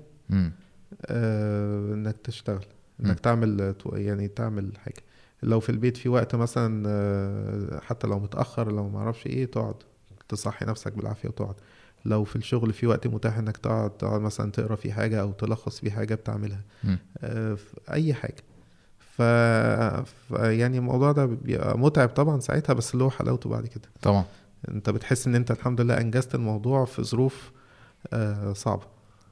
بس. آه ف آه اللي حصل بعد كده إن ال- الملاحظة اتكررت في كذا فيلم. و... وابتدى معاها إيه؟ إن بقيت ألاحظ إن الأشرار بقوا محببين واخدين دور شبه دور البطولة كده عن زمان اللي إحنا كنا نعرفه اللي هو الميلودراما اللي إحنا عارفينها اللي هو الشر البطل ويحب البطلة ويجي الشرير عايز يأذيها هو ينقذها وخلاص والدنيا كده.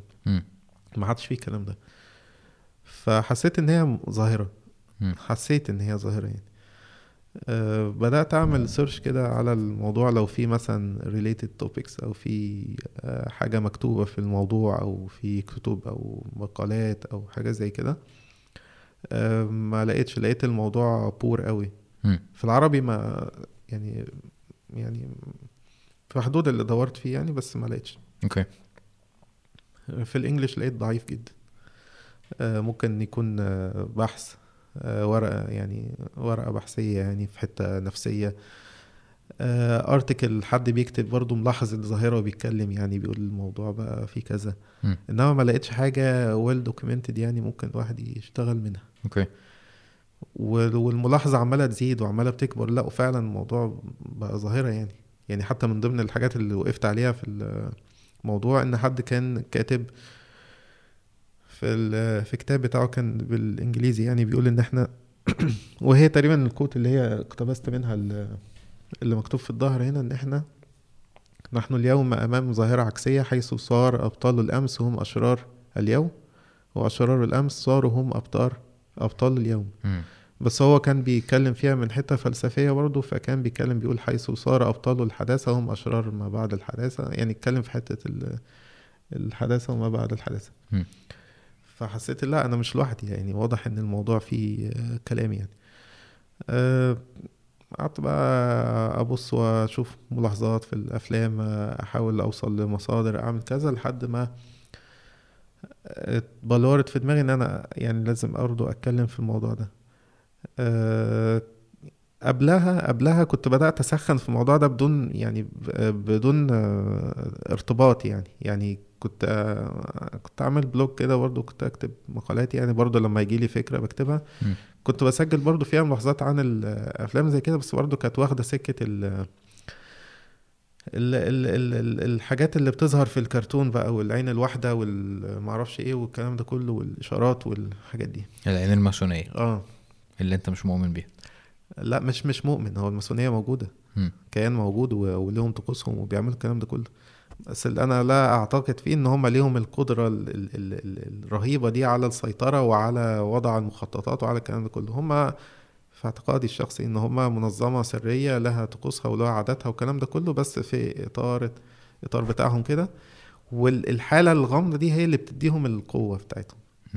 يعني آه، إنما مش هم ال- يعني.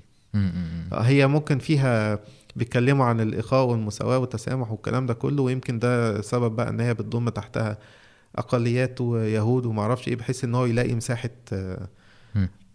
سلام يعني يعيش فيها وتعايش وكده فده اللي بيخليهم يضموا عدد كبير من اليهود يعني. إنما في الآخر عشان يلاقي مساحة حرية يعيش بيها ويلاقي المجتمع بتاعه اللي هو بي بيتعامل معاه كويس يعني. إنما مش مش. ال يعني ال ال- المؤامرات يعني بيبقى لها عوامل تانية كتيرة. في lobbies اقتصادية وفي lobbies سياسية وفي قرارات وفي حاجات يعني بالظبط. بس أنا بالنسبة لي ال- ال- الفكرة ال- اللي اللي بيحسسني أو بيأكد لي على النظرية دي هي فكرة إن ال Freemasons أو الماسونيين أو كده هم ال leaders بتوعهم هم ال bankers كويس؟ المتحكمين في البنوك اللي هم ال Rockefellers وال Rothschilds والناس دي. آه، فالبنوك دول هم المتحكمين في أمريكا. تمام؟ هم اللي دايما مخليين الحكومة الأمريكية مديونة. فدايما قادرين يبقى عندهم ال upper hand على أمريكا. وأمريكا هي المتحكمة في العالم. تمام؟ فأنا من من من المنطلق ده اللي بحس إنه هم عندهم السيطرة. ما هم عندهم السيطرة بس مش عشان هم ماسونيين هم الماسونيين دي حاجة ممكن بتجمعهم يعني. إنما العوامل اللي أنت بتتكلم فيها إن هم آه، ناس م... م... يعني متحكمة في الاقتصاد وفي كذا وكذا هو ده اللي بيسبب حالة ال- الهيمنة دي أو السيطرة. آه، و- وده سبب برضو من أسباب تحكم اليهود بشكل ضخم جدا في, أو بشكل أساسي في أمريكا. والآيباك بتاعهم ده يعني مسيطر على آه، كل حاجة يعني. وعلى هوليوود وعلى حاجات كتير جدا لأنه لأسباب هم اتسربوا للمجالات دي بعوامل مش عايز أقول يعني مش مش مش يعني يعني عوامل كتير عوامل اجتماعية وعمو- وظروف و- و- و- وإن هم راحوا من أوروبا كان في ال Jewish question دي المسألة اليهودية اللي كانت عاملة قرف لأوروبا كلها. مم. وكان كل بلد تطردهم من هنا لهنا لهنا. راحوا أمريكا لقوا بلد fresh يعني جديدة ابتدوا يشتغلوا في الس- في التجارة طبعا عشان يكسبوا ويرابوا ويدينوا الناس و يبقى لهم قوة يعني. واشتغلوا في السينما عشان يبتدوا يعبروا عن رأيهم ويخلقوا حالة تعاطف معاهم ومع قضيتهم. فالحاجات دي هي اللي في الآخر بتوصل لحالة التحكم دي. إنما ما كانتش مترتبة إن هو يلا دول بتوع بولندا هيروحوا نيويورك وهيشتغلوا في كذا والعيلة دي هتاخد كذا وده هيعمل كذا ما تمشيش كده يعني. ده رأيي إنما يعني- في الآخر الحالة السيطرة دي موجودة بس ليها عوامل أسباب تانية مت... يعني آه، أعمق يعني أو يعني مت- متداخلة أكتر من مجرد إن هم عشان حالة كيان ماسوني أو كده هو اللي بيتحكم. ده رأيي. يعني ما بلغيش الفكرة عموما. يعني أنت قصدك مفيش رأس حية؟ لا رأس الحية دي آه، كحد في الدنيا شخص كده هو رأس الحية؟ شخص أو منظمة عندها فكر معين هي اللي بت... لا كمنظمة والكلام ده لا. مم. بس أنا عندي اعتقاد غريب شوية يعني آه، نتفق أو نختلف فيه يعني بس ده ده ده إحساس حتى ما بتكلم فيه مع نفسي كده إن هو ال- ال- حالة إن المسيح الدجال موجود حتى الآن يعني. وده من اعتقادنا يعني وفي الحديث ده صحيح إنه كان سيدنا تميم الداري لما راح الجزيرة ولقى الشخص اللي هو المكبل ده وسأله مظبوط. خرجت الشمس من مغربها كذا كذا اذا إيه لم يؤذن لي بالخروج فهو والنبي عليه الصلاة والسلام قال له هذا الدجال مم. فهو في حاجة مم. في حاجة مخفية الله أعلم بس آه، آه، يعني إيه يعني هو بيتحكم بشكل أو بآخر في حاجات سيئة يعني في حاجات شريرة يعني مم. آه، شكلها عامل إزاي بقى؟ هل التواصل بقى مع الجن والفضائيين والكلام ده؟ أنا ما بشوفش كده. أنا بقول إن هو في زي إيحاء يعني يعني زي ما الشيطان بيوسوس لحد زي ما آه، يوحي بعضهم إلى بعض حاجات زي كده. وغير المسيح الدجال ما هو في إبليس ما هو إبليس ما هو موجود. و- وربنا سبحانه وتعالى يقول إن إبليس له جنود من الجن ومن الإنس. يعني ما في جنود لإبليس من الجن من الإنس. مش لازم يكونوا بقى بيقابلوا إبليس على هيئته كده وبيتفقوا آه وإحنا ال... يعني العالم اللي هم الستانكس وال- واللي بيعبدوا الشيطان والكلام ده كله و... وكراولي والناس دي واللي عمل كنيسة الشيطان حتى كنت بتكلم في كلام تفصيلي يعني في الكلام ده إن هو في علاقة هل في علاقة بين مؤسس كنيسة الشيطان كنيسة الشيطان آه. حاجة يعني آه. ساخرة جدا يعني. وديزني.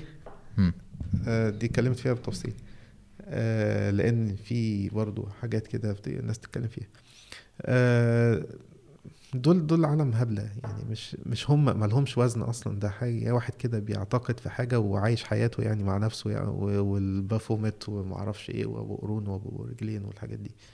مش دول ال- المؤثرين يعني. هو مم. واحد بقى فاهم قصدي؟ فاهمك. انما إنما ممكن يكون الشيطان ما هو شغلته من أول خلق لحد الآخر إن هو بيوسوس بيضل الناس بيعمل. فهو طبعا اللي هو المسؤول إن هو يضل دول ويعمل دول ويوحي دول ويعمل إيه.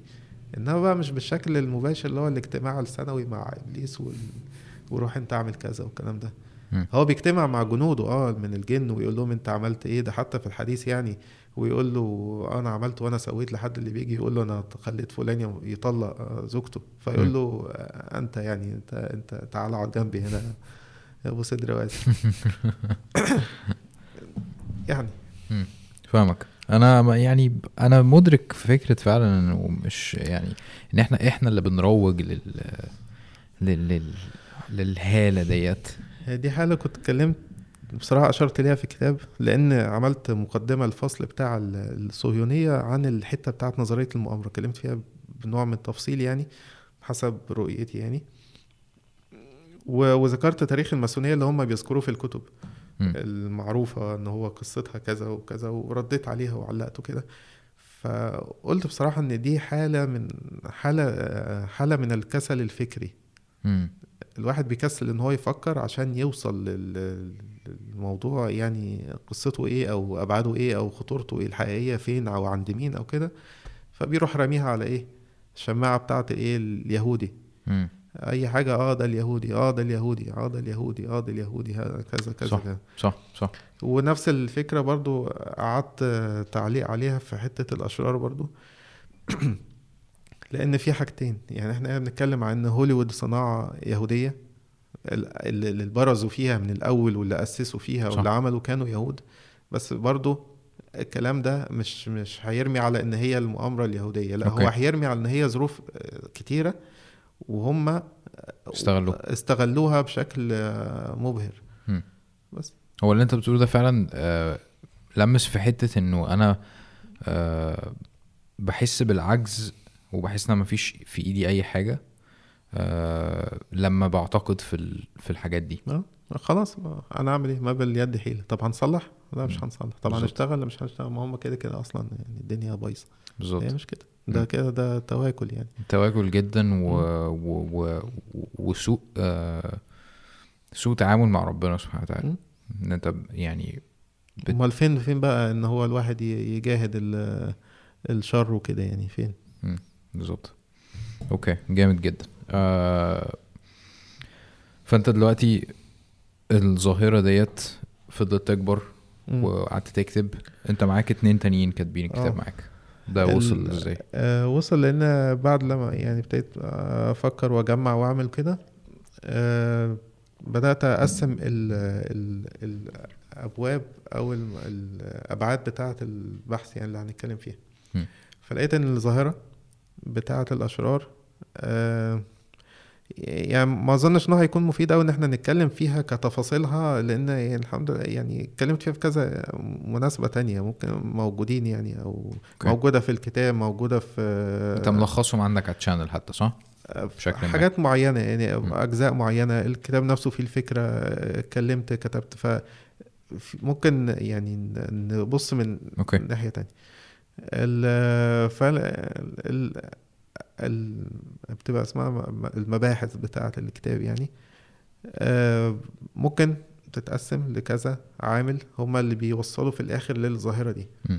ظاهرة حب الأشرار والتعاطف معهم. و و و ولو كسينما تنحية البطل للدور الثانوي. ما يبقاش هو ال- main دلوقتي لا بقى البطل دلوقتي حاجة تانية وبقى مش حلو كمان. زي الجوكر مؤخرا يعني لسه شايف الفيلم امبارح. طياره. لسه شايف الفيلم امبارح مخصوص فيلم جوكر وأول امبارح ال report بتاع بي بي سي كان بيقول إن هم وصلوا كسروا حاجز ال 1 بليون. في أول فيلم R rated اللي هو المصنف للكبار يعني فيه عنف أو أو حاجات جنسية أو, أو ألفاظ أو كده يكسر حاجز ال 1 بليون. اللي قبله كمان برضو كان Deadpool مم. برضو من حاجات ال...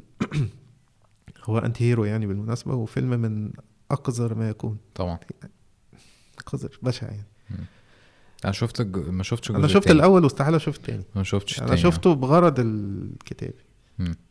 للأسف وده ك... بس فجوكر ضيع باتمان خالص طلعه يعني إن هو شلفاته خالص يعني مم. وأبوه كده يعني. وشوف نسبة التعاطف والكلام ده تبريرات بقى واصل والظروف وحكمت وما أعرفش إيه بس أنا أنا اعتقادي الشخصي بمنتهى الاختصار يعني عشان الموضوع ده بن... بنتجادل فيه كتير يعني آه إن هو ال- ودي قلتها برضو في سطر في الكتاب إن هو معرفة الدوافع والأسباب ليست بالضرورة آه، دليل أو آه، سبب لتبرير أفعاله أو مم. لتسويغ أفعاله أو لل يعني إيه طبعا للتعاطف معه أنا طبعا. ممكن أتفهم مشكلته فين ونحاول نحل بالعدل وبال زي ما ما ما العدل بيقول وزي ما ربنا بيقول وزي ما الكلام ده كله. إنما آه، أتعاطف معاه واديله بقى ال- ال- green light بقى خلاص أنت. قشطة يعني عيش حياتك زمان. لا ما ينفعش. ما أنت دلوقتي بقى القدوات كلها مين؟ بقت كلها الالماني والحبيشة والمعرفش مين واللي بيقتل واللي بيضرب وال والنماذج دي كلها بقت هي ال- الأبطال وولاد رزق وولاد فتحي مم. لا بقى هو ده هو ده بقى كده. يعني ده بقى هو المين ستريم بقى كده.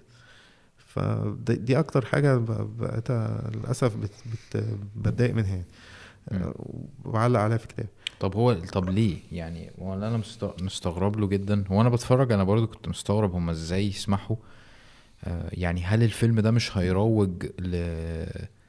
لأعمال عنف. و... وناس أص... في حتة جوايا برضو بتحب الايه أصل أنا Star Wars. fan جدا. كويس فأنا بحب فكرة Darth Vader و... و Anakin Skywalker Darth و... Vader برضه من الناس اللي هي ما أنا عارف ما أنت كاتب. أنت كاتب عليه في أول ال... أول صفحة تقريبا فأنا جوايا حتة الايه إنه it's cool جدا حتة الشر. وال vigilante والحوارات طبعا دي طبعا ف ب- بس بس في نفس الوقت كنت مستغرب جدا من العنف المبالغ فيه اللي في الفيلم و...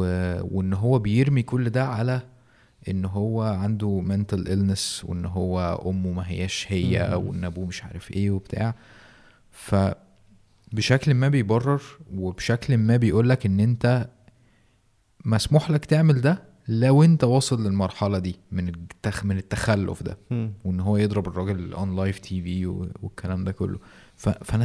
هو شبه V for Vendetta شوية آه، في حتة الأقنعة والثورة والحوارات دي آه، بس بس إزاي أنا مستغرب عارف إزاي إزاي يروجوا للفكرة ديت ويسمحوا لها. بالطريقة دي من غير ما يخافوا إن هي تنقلب ولا عليهم ولا بتاع آه، ما لا ما أصل هو اللي بيحكم الموضوع مش مش مش نفس ظروف الرقابة اللي إحنا بت... اللي عندنا okay. لا هو في مساحة تعبير ومساحة حرية وهو من ناحية تانية بي... بيلاحق من ناحية تانية. زي ما منع مثلا في, في العرض إن هو الناس تلبس أقنعة في الفيلم. في ال- في صالة العرض. وكان في عربيات شرطة وما أعرفش إيه موجودة وقت العرض. ليه؟ لأنه هو قبل كده في ال trilogy بتاع Batman Dark Knight. آه. حصل الحادثه بتاعت أورورا في أمريكا. إيه ده؟ معرفش في في العرض بتاع الجزء الثالث اللي هو Dark Knight Rises طلع مم. واحد في أورورا في أمريكا وطلع آه، عامل شعره برتقاني كده ومعرفش وهو شخص كده مضطرب يعني وطلع بالسلاح بتاعه وضرب الناس اللي في السينما موت قتل ناس كتير قال لك أنا الجوكر. دي دي بتدخلنا في نقطة هل الفيلم هو اللي بيأثر في الواقع ولا الواقع هو اللي بيأثر في الفيلم لأن دي نقطة جدل برضو اللي هم الناس دي لما تقول أنتوا بتقدموا حاجة بتضر المجتمع يقول لك لا أنا بتكلم بعبر عن الواقع. طب ما أدي واحد أهو أخد من الفيلم وبوظ الواقع خالص. فالحادثة بتاعت أورورا دي عمل يعني حادثة كبيرة يعني حتى الناس اللي قبل عرض الفيلم بتاع جوكر الأخير الأهالي بتوع ضحايا بتوع أورورا بعتوا طبعا احتجوا يعني وبعتوا برسالة ل Warner Brothers. إن هما بيعترضوا يعني على الفيلم وبيفكروهم بالحادث وكده و Warner Brothers ردوا رد في منتهى التخلف يعني اللي هو. معناه إحنا مالنا يعني إحنا إحنا مالنا اللي هو إحنا ملناش دعوة إحنا مش إحنا السبب في الفيلم إحنا في في العنف اللي حصل يعني مم. خلاصة الرد يعني بقى يعني ما يخرجش من جهة كده يعني ليها ليها كاعتبارها يعني رد. كده اللي هو إحنا وأصل هو في الآخر هتبص هتلاقي في الآخر هو في نفسهم إيه سبكي يعني واحد عايز يكسب. ف يعني حتة الفاليوز والمعرفش إيه والكلام ده هي مش بتاعتهم أنا أنا إيه اللي إيه اللي يكسبني ال- الدنيا ماشية إزاي الناس مزاجها إيه خلاص أنا هعمل. إلا لو في توجهات إن أنت لازم تقدم الحاجة الفلانية. زي ما كان بيجي في وقت البروباجندا مثلا مع في ال- مع في الحرب الباردة مثلا مع الشيوعيين تلاقي السوبر هيروز طلعوا بقوا يضربوا ال- الأشرار الروس. وقبلها في الحرب العالمية بقوا يضربوا هتلر وكابتن أمريكا يطلع يضربه ودونالد يطلع يعمل شخصية بتاعت هتلر ويتريقوا عليه والكلام ده كله. فدي توجهات غير كده فدي دي لو هنرجع للنقطة دي الأبواب ال- اللي قسمناها إنها اشتغل عليها إن هو الموضوع له بعد متعلق بالكاتب نفسه آه، أو بصانع السينما أو بصانع ال- الفيلم أو الرواية أو أي الكلام ده هو له وجهة نظره فبيعمل الشخصية دي للأسباب الفلانية. دي. حاولنا ندور فيها. الناحية التانية آه، وهي دي الفصول بتاع الكتاب الناحية التانية الناحية النفسية. ليه أنا كمشاهد عادي طبيعي يعني بع- بعرف أشوف الخير والشر وأعرف إن ده خير وإن ده شر ليه بحب الشخصية الشريرة؟ دي بقى عشان دي حاجة بت بت يعني بت بت بت بتعمل عندك آه، آه، يعني بت بت بت اسمها إيه يعني بت آه، بتعمل need عندك ان انت تنتقم وان انت تبقى مم. تاخد حقك من ناس مش قادر تاخد حقك منهم وان انت ده مضطهدك وان انت ده أذاك وان انت كذا فده بيطلع الطاقة اللي جواك دي يعني فانت طبيعي ان انت بتتبسط يعني مم. آه، ده اللي بيعرف ياخد حقه ده القوي ده كده وبتشوف نسخة تانية من نفسك ممكن تبقى إيه يعني انت لو شايف serial killer مثلا أيوه بتحاول to relate معاه اللي هو أنا ممكن بشكل م- يعني عادي. ممكن ما هو يعني حسب نظرة كل واحد ومرضه بقى. النفسية بتاعت آه، أو الفلسفة أو النظرية النفسية يعني بتاعت كارل يونج إن هو كل شخص له ال dark side بتاعه مم. فانت ال dark side بتاعك ده انت ما بتقدرش تطلعه بسبب ظروف مجتمعية يعني ان هو عيب حرام ما يصحش لا بتاع. بس انت من جواك انت يعني حابب الحاجة دي. فلما تشوفها في الشخص اللي بيقدم الفيلم أو في كذا وبتلاقيه بيعملها فانت من جواك تبقى يعني. الدارك سايد ده بيزقطط يعني. جدا. آه. فدي ناحية نفسية. الناحية الثالثه الناحية الثالثه الناحية الفلسفية. الفكرة بقى اللي كنا بنقولها اللي هي الحداثة وما بعد الحداثة. ليه إزاي المجتمع الغربي وصل للقناعة أو وصل يعني تشبع بأفكار إن ال ال ال كل حاجة بقت مقبولة. يعني كل حاجة عبارة عن رأي ورأي آخر. مفيش صح ومفيش غلط ثابت. مفيش معايير ثابتة. كل حاجة بقت اللي هي موضوع السيولة اللي الناس بتتكلم فيه والكلام ده. إن هو كل حاجة ما بقتش ثابتة. مفيش ثابت. أنت شايفه صح أنا شايفه غلط. مم. فإزاي المجتمع الغربي اتدرج مع التاريخ كده فلسفيا وفكريا إن هو وصل للقناعة دي. بنمسك بقى الموضوع من زمان آه، من بعد العصور الوسطى اللي حصل لداروين لنيتشه الكلام ده كله لحد ما بنوصل لدرجة تفك- تفكيك الكامل ودريدا وإزاي فكك الدنيا وإن كل حاجة بقت يعني فكل حاجة خلاص يعني عادي يعني. أنت شايفه يا عم صح أنت حر. أنا شايفه غلط أنا حر. مفيش مشكلة. أنت اللي هتقول لي أنت ال- الكلام ده ينفع ولا يعني. هو ده الهدف من الحوارات دي إن مش هم هدف. هدف لبعض الناس.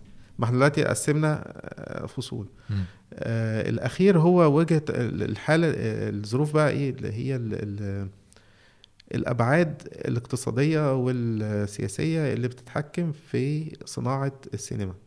دايرة المصالح بين رجال الأعمال وبين هوليوود وبين ال ال ال السياسة الأمريكية وصناع القرار والكلام ده كله في إن هم يعملوا فيلم.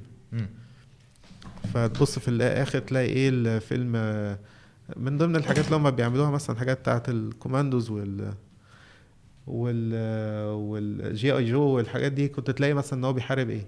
كله متوجه دلوقتي لناحية آه، آه، إيران يا إما باكستان يا إما أفغانستان والكلام ده كله إن هم دول ال- ال- الشر يعني.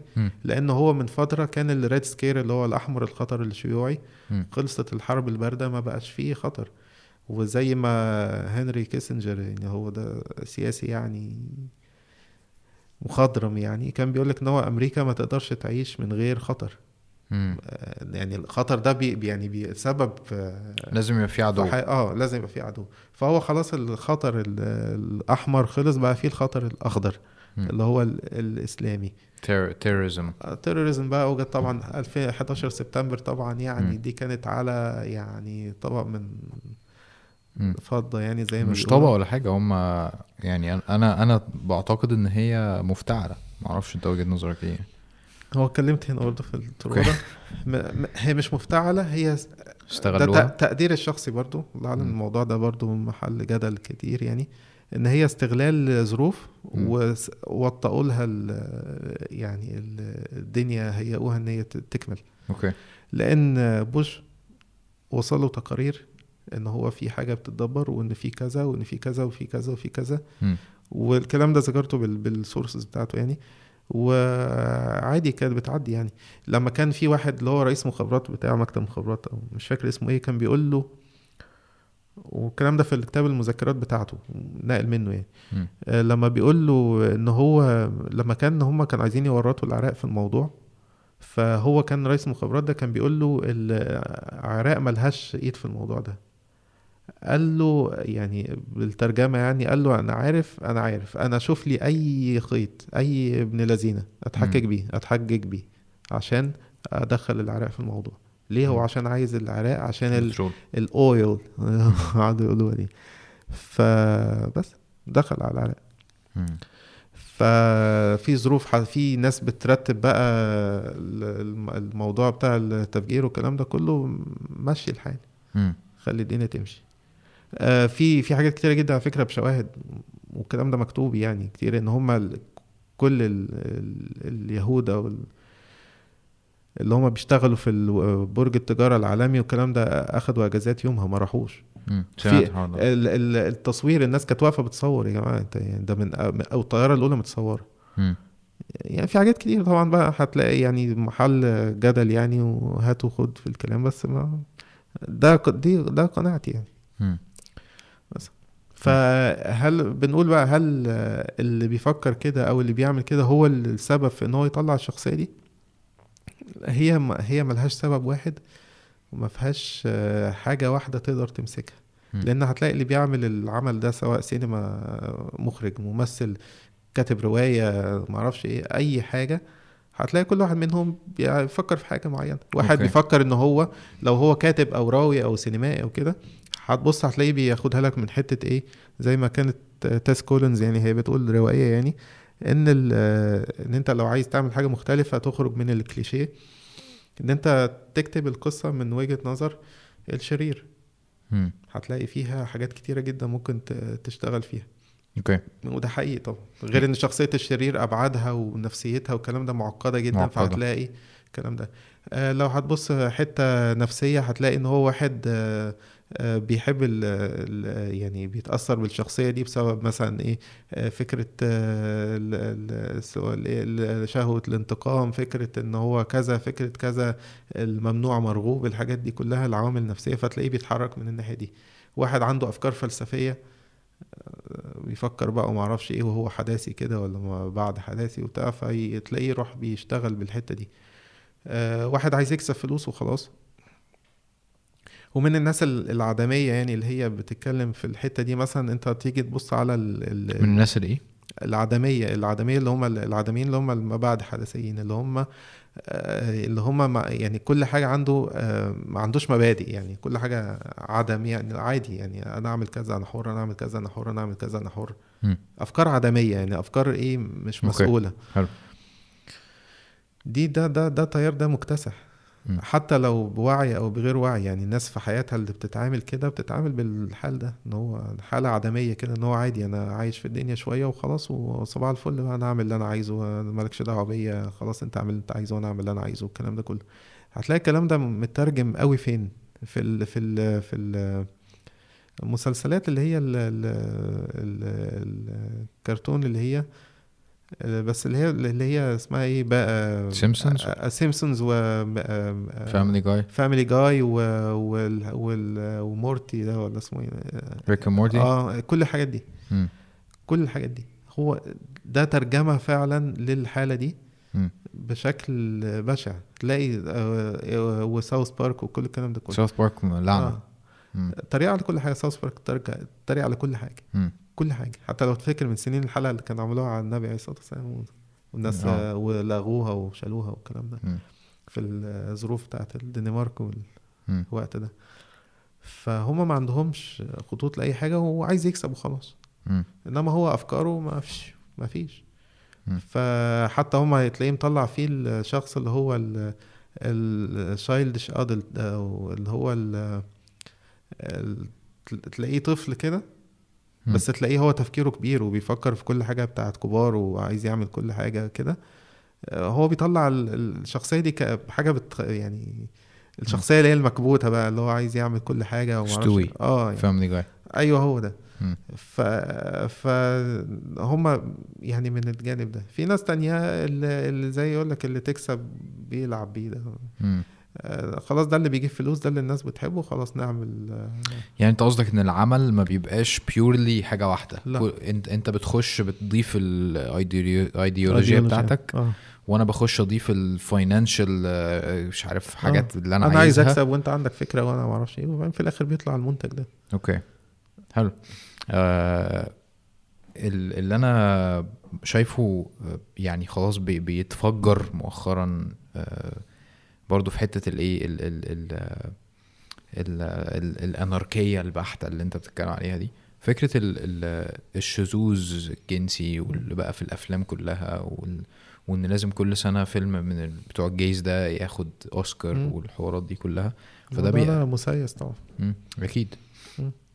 آه، ما ده ده من ضمن ال ال الأجندة بتاعت ال ال اسمها إيه؟ ال آه، الكلام بيروح مني للأسف. اللي هو التعايش يعني اسمه إيه؟ التعايش آه. بس بالإنجليزي قصدك؟ diversity تنوع.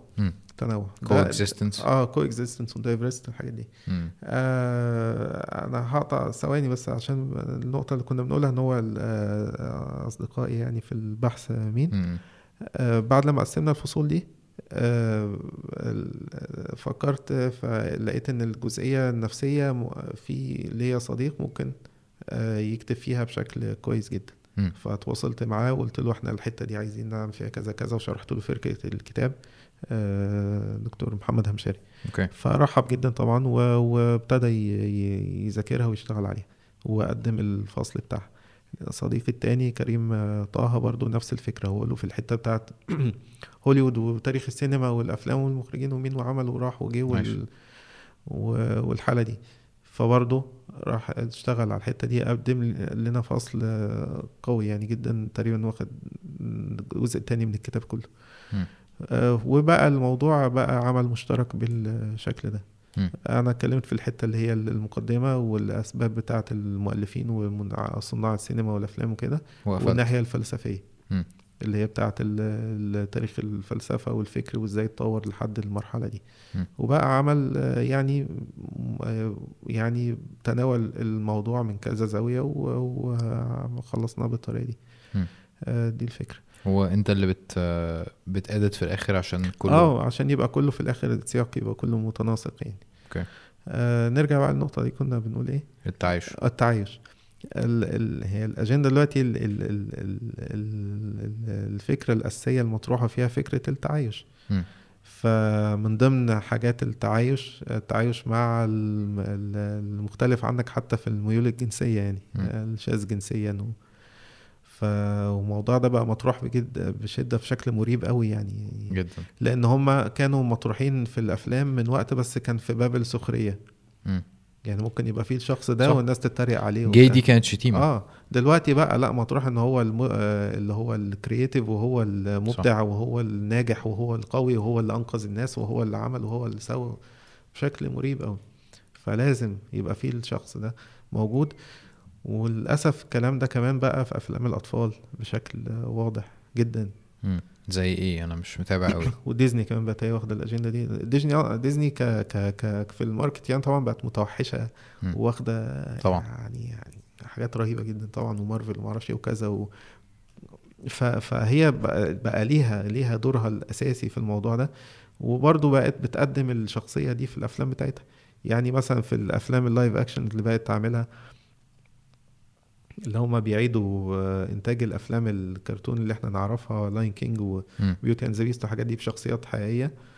فبيتقدم فيها الشخصيات دي في Beauty and the Beast طلع فيه شخصية اللي هو صاحب الشرير مش فاكر اسمه إيه طلع شخصية إن هي شاذة جنسيا ده نزل ولا لسه آه؟ نزل آه لا نزل. خلاص واتعرض و... و... و... وفي الفيلم بتاع في في في الفيلم بتاع الحيوانات اسمه إيه آه، زوتوبيا. برضه هو الفيلم قايم آه، بشكل أساسي على فكرة التعايش يعني مم. مع كل حاجة فبتلاقي الوحش عايش مع الأرنب مع ما أعرفش إيه وبعدين في الآخر بيطلع الثعلب زي الفل و... آه، هو الفيلم حلو بصراحة يعني بس أنت بت... أنا بركز على المسجز دي يعني مم. بتلاقي في الفيلم برضه إن هي ال- الأرنبة اللي هي ضابط الشرطة لما راحت السكن بتاعها بيعدي وراها اتنين آه، آه، معرفش اسمه إيه بقى اللي هو اللي عندهم قرون دول إيه آه، هو مش؟ مش لا مش مش جدي هو قرونه طويلة ده وحيد القرن لا. ولا المهم اتنين هما اتنين male يعني اتنين ذكور. وعايشين مع بعض في الأوضة بتاعتهم كده. على السريع كده لازم عارف يديك حاجة في في ال في الفيلم بتاع آه، اللي هو Wreck-It Ralph الجزء التاني مم.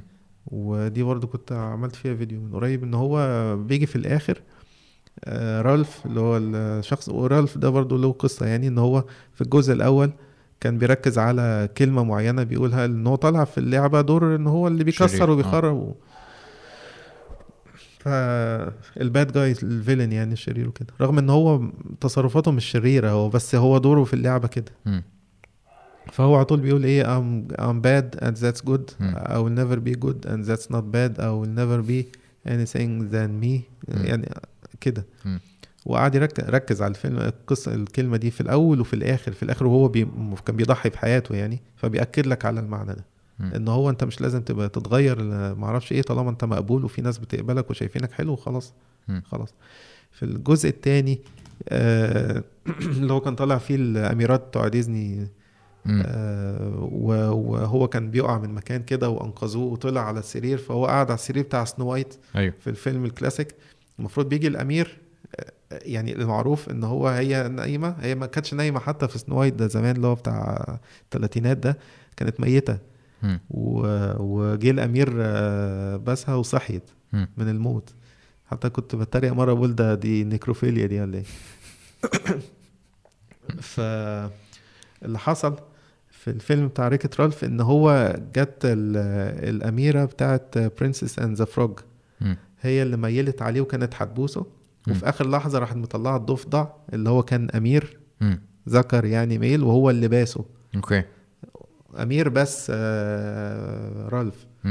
وراح بص له كده وغمز له وعمل له إيه برضه على الطاير كده ف okay. يعني هي كانت جت برضو في فيلم زمان عايز أفتكر كان آه آه الفيلم اللي هو بتاع مدغاسكار إيه آه مدغاسكار آه. آه. كان في لقطة كده ال penguins آه كانوا هم كلهم رجالة. فاتنين راحوا بايسين بعض في beak to beak كده مم. بعض كده فاهم آه ولقطه ما كانتش ليها أي ملهاش لازمة آه، حاجة في ال plot ولا لك. أي حاجة. آه. okay أنا الفكرة بتاعت الأشرار دي زاوية قوية جدا بس فكرة الهيروز بتشغل بالي أكتر الصراحه كويس إن هما بيخلوا بيخل بيخلوا هيروز موجودين مش مش مش بتكلم على اشرار بتكلم على كابتن أمريكا بتكلم مم. على سوبرمان بتكلم على الناس دي كلها تمام؟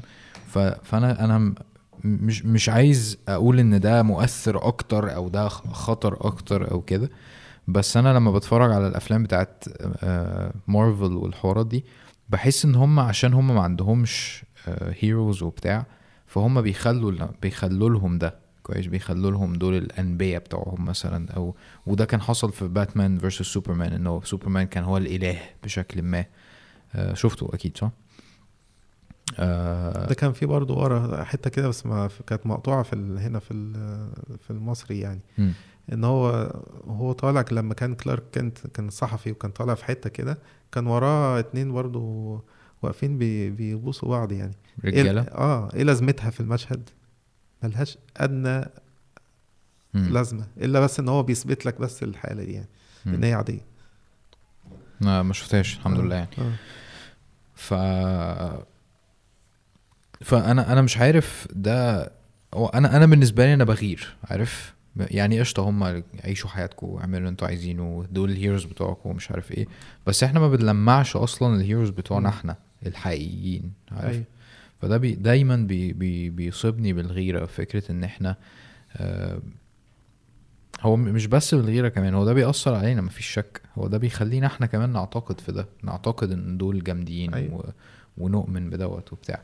وفي الآخر أنا ما بتفرجش ما شفتش تقريبا معظم أفلام مارفل و... وكذا مرة ذكرت إن أنا أنا I'm not interested في الأفلام خلاص عارف أنا كنت بحبها جدا في وقت ما.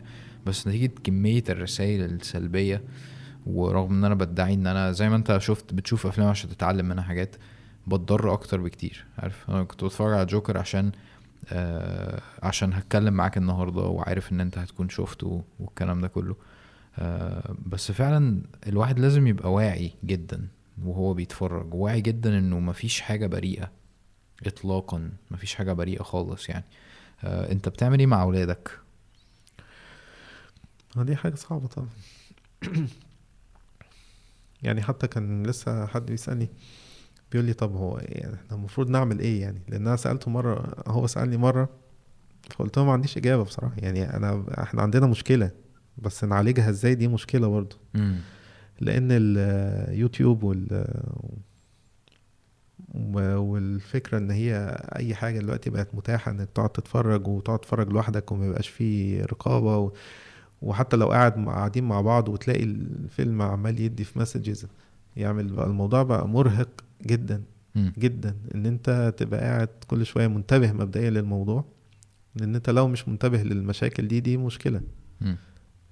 بعد لما أنت انتبهت للمشكلة للمشاكل دي هتبقى مطلوب منك إن أنت توعي آه، أسرتك أطفالك والكلام ده كله بطريقتك بقى اللي هم بيقبلوها منك يعني مش لازم بقى ومش هقول لك ما يشوفوش يعني مش مش هيشوفوا إزاي يعني ما هو لازم. بيتفرج هو ما فيش حاجة دلوقتي وكله بيتفرج وكله بيعمل ولو ما اتفرجش هنا هيروح يتفرج عند حد تاني أو هيمسك الموبايل وهيفتح وما أعرفش إيه فال... في الظروف اللي إحنا فيها دي يعني إحنا زمان كان عندنا شريط الفيديو ونقعد ونتفرج دلوقتي بقى كل حاجة ممكن. تفتح منها فيديو ممكن تتفرج بتاع. يعني ما ينفعش زمان ما كانش ينفع تشوف الفيلم غير لو عندك الشريط فعلا آه. صح. يعني موضوع المنع ما بقاش option قوي إلا لو حاجة طبعا صريحة يعني حاجة آه، حاجة وحشة حاجة عنيفة حاجة إباحية حاجة كلام كله. مم. طبعا لازم هتمنع. طبعا. مع ال مع ال إنك تفهم إن دي حاجة غلط. الحاجات بقى اللي هي الهيدن مسجز دي دي لازم تبقى أنت طول ما أنت قاعد لو لو هم منت... يعني حاسس من سنهم إن هم ممكن يدركوا حاجة زي كده وينتبهوا ليها ويعملوا إيه تبتدي توعي تقول لهم لا ده على فكرة ده ده وحش. ده كذا بأبسط الكلام يعني. بحيث إن هو مع الوقت أنت مصاحبه وبتقعد تتفرج معاه وما بتمنعوش قوي وبتقول مش طول ما أنت قاعد بقى تقول له لأ ده لأ وده لأ وده لأ فيبتدي يطمن ليك إن أنت قاعد جنبه وبتتفرج فما عندوش مشكلة. في النص بقى تقول له ده على فكرة ده ده ده مش حلو ده أحسن منه ده عمل حاجة حلوة ده عمل حاجة وحشة ما أعرفش إيه تبتدي تنمي عنده ال ال ال ال ال النقد ال- الملكة النقدية أو إن هو يبقى واعي بمسائل معينة وحاجات معينة يشوفها يعرف إن ده صح وده غلط. أولى من إن أنت تقعد بقى إيه. تمنع عنه ده وده وده وده وده. موضوع متعب. يعني هو موضوع مش سهل خالص. وأكيد بي بيقع من الواحد حاجات وكده. بس يعني يعني أنا على طول ما يعني ما بيفرقنيش الكلمة بتاعت النبي عليه الصلاة والسلام بيقول لك سددوا وقاربوا يعني أنت يعني الواحد بي بي إيه بيحاول بس يعني يوصل كده لبر الأمان يعني معناها إيه بس يعني أنا مش هو حديث طويل بس في م. الآخر بيقول لك إن أنت لو يعني عليك محتاج إنك التزامات كتير عشان تبقى كويس تعمل كذا وكذا وكذا وكذا وكذا في الآخر أعمل إيه سددوا وقاربوا يعني يعني قربوا بس من الموضوع يعني سددوا اعملوا سدا يعني تارجتنج يعني م. توجه للحاجة السليمة وقارب يعني خليك قريب منها كده يعني امشي معاها كده وربنا يعني يكرمك يعني مم. آه، هي دي الفكرة إن أنت مش هتفضل ماشي طول الوقت صح مية في المية مم. آه، لأ أكيد طبعا الدنيا بت يعني فيها حاجات كتيرة ما فيش الدنيا مش أبيض وأسود يعني. فبس في الآخر تخليك مع الإيه مع ال مع الصح.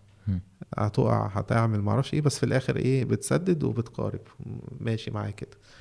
بس فبتنبه دي كويسة دي وحشة معرفش إيه يعني قعدت مع فترة مثلا كبيرة مع بنتي كانت لما بدأت بقى تشوف اليوتيوب والكلام ده كله أغلب الحاجات اللي هي في الكلاسيفيكيشن بتاع التصنيف العام بتاعها إن هي حاجات أطفال بتلاقيها حاجات في منتهى يعني مم. لو مش هقول إن هي مثلا بتدي حاجة صريحة في العنف ولا في الإباحية ولا بتاع بس بتدي attitude سيء جدا آه، سلوك وحش جدا آه، في العياط وفي طريقة الأكل وفي التعامل مع. الكبير والمقالب والسخيفة. وفي حاجات بقت تطلع بشكل الشخصيات اللي هي المعروفة للأطفال اللي هي زي الشخصية بتاعت فروزن وزي المينيونز والكلام ده كله. وبيعملوا حاجات آه، سلوكيات وحشة جدا. وميكي والكلام ده كله بس هي مش مش مش ولا هي ميكي ولا هي فروزن ولا هو مينيونز هم راسمين الشخصيات. وبيعملوا بيها videos آه، بحاجات آه، سيئة جدا آه قصدك حاجات غير الإنتاج الأولاني آه آه آه ده حاجات كده يعني مم. آه، أفلام صغيرة يعني وبتعمل حاجات وحشة مم. آه في كل حاجة بقى في ال- في العنف وفي السلوك وفي كل حاجة. آه وبتلاقيها عاملة ملايين مشاهدات ملايين مشاهدات بطريقة مريبة جدا. ولا هي إعلانات ولا بتاع هي طالعة كده ما تفهمش إزاي شيطاني. استغفر الله يعني ف آه، فالحاجات دي ممكن لو الاهل مش منتبهين لأن الحاجات دي فيها مشاكل هو شايف إن هي قدامه كرتون والشخصيات الله ده مينيونز دي ما أعرفش إيه اللي أنت بتحيطها بعض بقى عيش حياتك مم. يتفاجئ بكم سلوكيات وتصرفات من ال- عياله فيها مشاكل كتير جدا ويبقى عارف دي مش عارف دي جت منين. تلاقيه عمال بيعيط زيهم بيعمل إيه بيتصرف معاه بطريقة وحشة بيعمل مقلب بطريقة مؤذية بيعمل كذا وهو مش عارف ده جاي منين. مم. وفي الآخر هتلاقيه جاي من فيديو. يعني كنت لسه كاتب من يومين كده بقول يعني ورا أي سلوك أو طلب غريب لابنك هتلاقي وراه فيديو على يوتيوب. مم. فالانتباه لازم لازم يبقى الواحد يعني ما يعتمدش بس إن هو يعمل برنامج اللي هو الرقابة أو إن هو يعمل كده لأن هو الرقابة برضو هو مش مش هيعرف يقول لك المحتوى أنت أنت ليك برضو ال- ال- المعايير بتاعتك. بالظبط فأنت ده فيلم بالظبط. أطفال هو شايفه فيلم أطفال بس أنت بالنسبة لك هو اسمه فيلم أطفال بس ما يناسبش أطفال. صح. فلازم تبقى قاعد كده بتتابعه وما أعرفش إيه عارف كذا عارف ما أعرفش إيه. يعني أنا بنتي مثلا ابتدت إيه في وقت آه، لما مثلا حاجة أنا بقول لها عليها إن هي مش حلوة وهي عايزة تتفرج عليها. عارف بال- بالسذاجة بقى بتاع الأطفال اللي بقت تعمل إيه بقت تبقى قاعدة جنبي وماسكة المخدة مغطية بيها وشها على أساس إن أنا كده مش شايفه آه فمش هتسلك معاها. لازم يعني الواحد يفضل على طول كده يعني بيحاول. هو الصراحة فعلا زي ما زي ما بتعمل مع نفسك أصلا يعني أنت أصلا ما بتعرفش تحمي نفسك فأنت هتحميهم أيوه يعني أنت سواء أنت أو هم ده أنت انت يعني أنت حتى دلوقتي كمان بقى مش متحمل مسؤولية نفسك لوحدك. أنت متحمل كلكم راع وكلكم مسؤول عن رعيته يعني أنت مسؤول عن رعيه كمان. المسؤوليه عمالة تكبر وتزيد والواحد عمال بيقول يا رب نجينا يعني خرجنا منها على خير آه، بس بالنسبة لل يعني دي حاجة الحاجة التانية في في طريقة الوقاية أو ال- ال- العلاج من المشكلة دي آه، إن أنت. لازم بقى على المستوى الأكبر إن أنت يبقى عندك بديل بالظبط كده دي ودي مشكلة كبيرة جدا. دي مشكلة حلها صعب جدا. جدا. مم. لكذا سبب. انت لو عندك الشخص ال creative ما عندوش الإمكانيات. لو مم. عندك الإمكانيات ما عندكش التوزيع. لو عندك التوزيع ما عندكش ال audience آه، انت الاودينس رايح في حتة تانية. صح. آه، معكش فلوس. مش عارف تعمل. آه، ما عندكش حد. حرية. ما عندكش حرية. ما عندكش كذا. في مشاكل كتيرة جدا جدا جدا جدا في الموضوع. مم. جدا. ويمكن دي ده ده ده الأكتر حاجة دلوقتي بتشغل بالي في الموضوع يعني ومكرس فيها اهتمامي يعني إن هو قد إيه الموضوع ده مهم. يعني مثلا آه، آه، في فيلسوف إيطالي اسمه أمبرتو إيكو له رواية مشهورة جدا اسمها الوردة ورواية اسمها البندول فوكو. آه، هو فيلسوف وراجل تقيل جدا وكبير جدا في السن يعني. بس له مقولة بيقول إيه؟ بيقول لك آه، حينما تعجز كنت كتبت حتى مقالة يعني يعني ده دي جزء كتبته في ال في ال في الكتاب وعملت مقال بالعنوان ده. حينما تعجز عن التنظير آه، اسرد رو- رواية. انت دلوقتي عندك فلسفة جامدة جدا صعبة على الفهم ومصطلحات صعبة والكلام ده كله. والفلسفة دي هي الأفكار ما الناس عاي... الناس عايشة بالفلسفة صح. وبالأفكار. فأنت عايز توصلها. صح. هتوصلها إزاي؟ أنت القطاع اللي هو بيقرأ الفلسفة والكتب ومهتم قوي بالكلام ده وبيتكلم بال... بالكلام ده واحد في المية. قليل جدا. آه إنما أغلب الناس آه، ما بتعملش كده. قصص. قصص. مم. أعمل بقى رواية أعمل قصة أعمل فيلم أعمل أي حاجة. مم. ده اللي أنت عملته.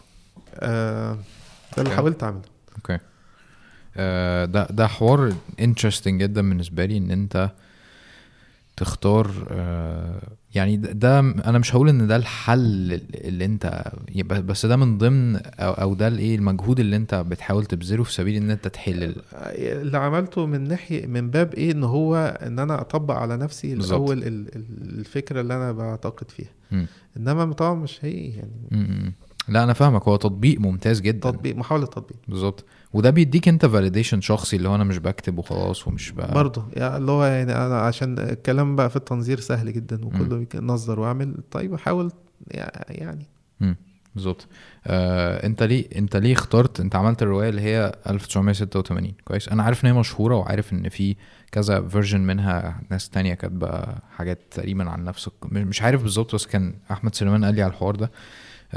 فليه لما اخترت هل هي قصة حقيقية مبدئيا آه لا مش آه القصة أحداث هي 1986 نسبة لانفجار. مفاعل تشيرنوبل تمام. تشيرنوبل كحدث حصل أكيد ده حقيقي آه تمام. إنما القصة لا مش حقيقيه okay أنت اللي مألفها from scratch يعني آه. أنت اللي عاملها آه أوكي ليه اخترت آه، في أول رواية تكتبها آه، إن أنت ت... آه، أنا بقول الزنة دي جاية منين؟ جاية من الموبايل. آه، ليه اخترت إن الرواية تبقى عن القصة دي بالذات؟ الرواية في الأول ما كانتش عن القصة. برضو فكرة الرواية مرت بثلاث مراحل. مرحلة كانت في 2014 كتبت ال- حتى كان قبل الأشرار. كتبت قصة. وما كانتش قصة قوي. كان عندي عندي قصص كده كتيرة في دماغي مواقف حصلت وما أعرفش إيه إيه قلت أكتبها. وعملتها قصة. ورميتها في الدرج شوية. مم. أول ما خلصتها كده حسيت إن هي يعني لا ناقصها كتير مش حلوة يعني. سبتها وقفلت منها خالص. آه سنة اتنين تلاتة جيت في 2017 بعد لما خلصت الكتاب الأشرار بعدها بسنة. جت فكرة قلت أعيد نظر فيها. ممكن أستفاد من الحاجات اللي كتبتها في سياق مختلف تاني تماما. وليها قصة برضو معينة وفكرة اشتغلت عليها. خلصتها برضو وسبتها شوية. وكنت ناوي عليها إن أنا أقفلها على كده يعني. وبرضه جيت في الآخر ابص لأ يعني برضه الواحد لما بيراجع نفسه لأ يعني مش مش كتبتها هي- ده معناه يعني كانت قد إيه كتبتها يعني مش- آه، آه، Word file يعني. كان آه، قصة كبير- مكتمله قصة يعني. قصة مكتملة آه. okay. بس برضه حسيت إن هي يعني برضه مش ال مش ال مش الحاجة اللي الواحد ممكن يع- يعملها يعني. لحد ما جاي في جيت أشتغل عليها تالت مرة و... والموضوع جه جه صادف بقى معاه الحتة بتاعة تشيرنوبل دي. آه، آه، في يعني في الوقت بتاع الإعداد بتاع القصة والكلام ده كله كان حصل آه، تعرضت لموقف كده آه، حاجة قريتها أو معرفش إيه related للحدث بتاع تشيرنوبل كان مرور 30 سنة على ال مم.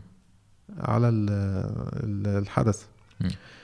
وفي صور آه، لمدينة كده م- مجهولة يعني شفت كليب متصور فيه آه، آه، مدينة كده مهجورة مدينة أشباح آه، مدينة شكلها غريب جدا كده مهجورة وفاضية وما فيهاش حد ما فيهاش غير الغابات وحيوانات وبيوت فاضية ومفتحة وحاجات مكسرة ومهدودة و... مم. فأنا ما عرفتش إيه دي. ما كنتش أعرف إيه دي فبقيت أعمل search على جوجل which city اللي هي appeared in كذا وما أعرفش إيه فوصلت في الآخر إن هي مدينة اسمها بريبيت. عملت search على بريبيت لقيت هي المدينة اللي كان بيسكنها الناس اللي بتشتغل في مفاعل تشيرنوبل. الموظفين في الاتحاد السوفيتي كانوا بيشتغلوا في تشيرنوبل وعايشين مدينة متكاملة جدا فيها كل حاجة سكن وترفيه ومدارس وحضانة ومستشفى. وملاعب كل حاجة يعني وعايشين فيها. كويس. والمدينة دي بعد الانفجار بتاع المفاعل آه، تم تهجير إيه؟ الناس اللي فيها كلها لقيتها قصة معرفش تاتشي قوي. يعني زي ما بيقال كده حسيت معرفش اتوجعت منها بصراحة مم. الصور المؤلمة ومميزة و... و... حسيتها بصراحة لمبة انفجار يعني فقلت حسيت برضو إن برضو في حدود برضو يعني اطلاعي يعني المحدود يعني إن هي ما فيهاش مش مستغلة القصة بتاعت بريبيت دي. في في في في, في المنتج العربي يعني أكيد. بره كتير آه، بس لما بصيت لقيت إن كله متوظف فين في الحتة بتاعت ال ال ال البوليسية الرعب آه، الحاجات ال science fiction. الحاجات اللي هي الغريبة لأن بريبيت فعلا مدينة ghost town آه بالظبط كده ولقيت برضو إن بريبيات دلوقتي معمول فيها ابتديت بقى ما أبحث عنها وأقرأ وأعمل كده ما- يعني هي رواية برضو بدأت ببحث يعني مش مش كرواية لأ ما أنت عشان تكتب فيها معلومة أو كده لازم بتبحث أوكي. ممكن تخلص في- سطرين في الآخر بس تكون قريت كذا حاجة يعني مم. ف لقيت إن هي دلوقتي اتفتح فيها مؤخرا من كام سنة آه، سياحة أو اسمها دارك توريزم يعني إن هو سياحة آه، غامقة بقى ولا مظلمة يعني بيروحوا بيزوروا الكلام ده بريستريكشنز معينة. فحسيت الموضوع ده ممكن يعني ده ده حاجة حلوة يعني ك ك مادة ممكن الواحد يشتغل بيها ماشي فبصيت على اللي أنا كاتبه قبل كده فلقيت إن هو ممكن يحصل تداخل بين ده وده. بشكل ما فابتديت أدخل حورت الشخصيات وطلعتها من السياق ده دخلتها في السياق ده ومعرفش عرفت مين بمين ومين اللي يعمل. و...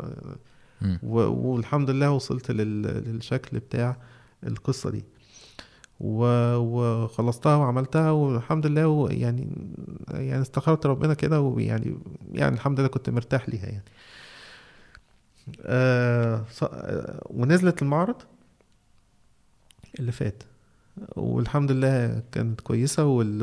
وال reviews عليها جاية الحمد لله كويسة أكتر حاجة م- يعني بتبسطني يعني في ال review إن- يعني أنا دي تجربة أولى كرواية مم. وأنا مش بتاع روايات بصراحة ما أكدبش عليك يعني أنا ولا- ولا ميول؟ آه م- لا ميولي في القراءة مش مش روايات مم. أنا آخري أقرأ رواية التانية التالتة بغرض يعني أقرأ آه، حاجات معينة كده مش م. مش إن أنا أقرأ رواية للرواية عشان أنا بعيش بقى مع القصة وأعمل ما أعرفش إيه بس أنا الفكرة عندي عارف إن أنا عايز أتكلم مع الناس اللي بتقرأ رواية يعني ده مم. عايز تتكلم مع مع حد مع حد. آه يعني ده ما حدش هيقراه. من الناس اللي أنا عايز أتكلم معاها والتاني ده برضو نوعا ما يعني يعني ممكن حتى بدأت إن أنا أوصله بشكل تاني بقى فيديوز وحاجات زي كده برضو عشان أتكلم مع الناس اللي هي ما بتحبش تقرا مم. طيب الأفكار دي كلها هتروح فين يعني. طب ما أنت يعني يعني أنا أنا حاسس إن دي أفكار دي محتاجة إن هي توصل للناس يعني أنت لو بتتكلم بقى إن أنت عندك مثلا حاجة عايز توصلها ما انت بتحاول توصل. دي النقطة اللي بنتكلم فيها إن إحنا الناس ما بتشرف فبتحاول إن أنت إيه. توصل. آه فدي الفكرة. يعني مش عشان أنا مهتم ب- ب- بحب الروايات لا أنا عشان عارف أهمية الرواية. مم. عارف إن الرواية مهمة جدا جدا جدا للناس وإن هي قصة الناس بتستفاد منها وإن هي ممكن من خلالها تعيش معاها ومن خلال إن هي بتعيش معاها توصل لها معلومة تفيدها. سوق الروايات آه، كتير جدا فيه حاجات يعني مش ع- يعني. آه، فالواحد يعني عايز يخش في الموضوع ده يعني يعرف اللي هو يعني يرمي طوبة كده. أيوه فاهمك. آه، فدي الفكرة.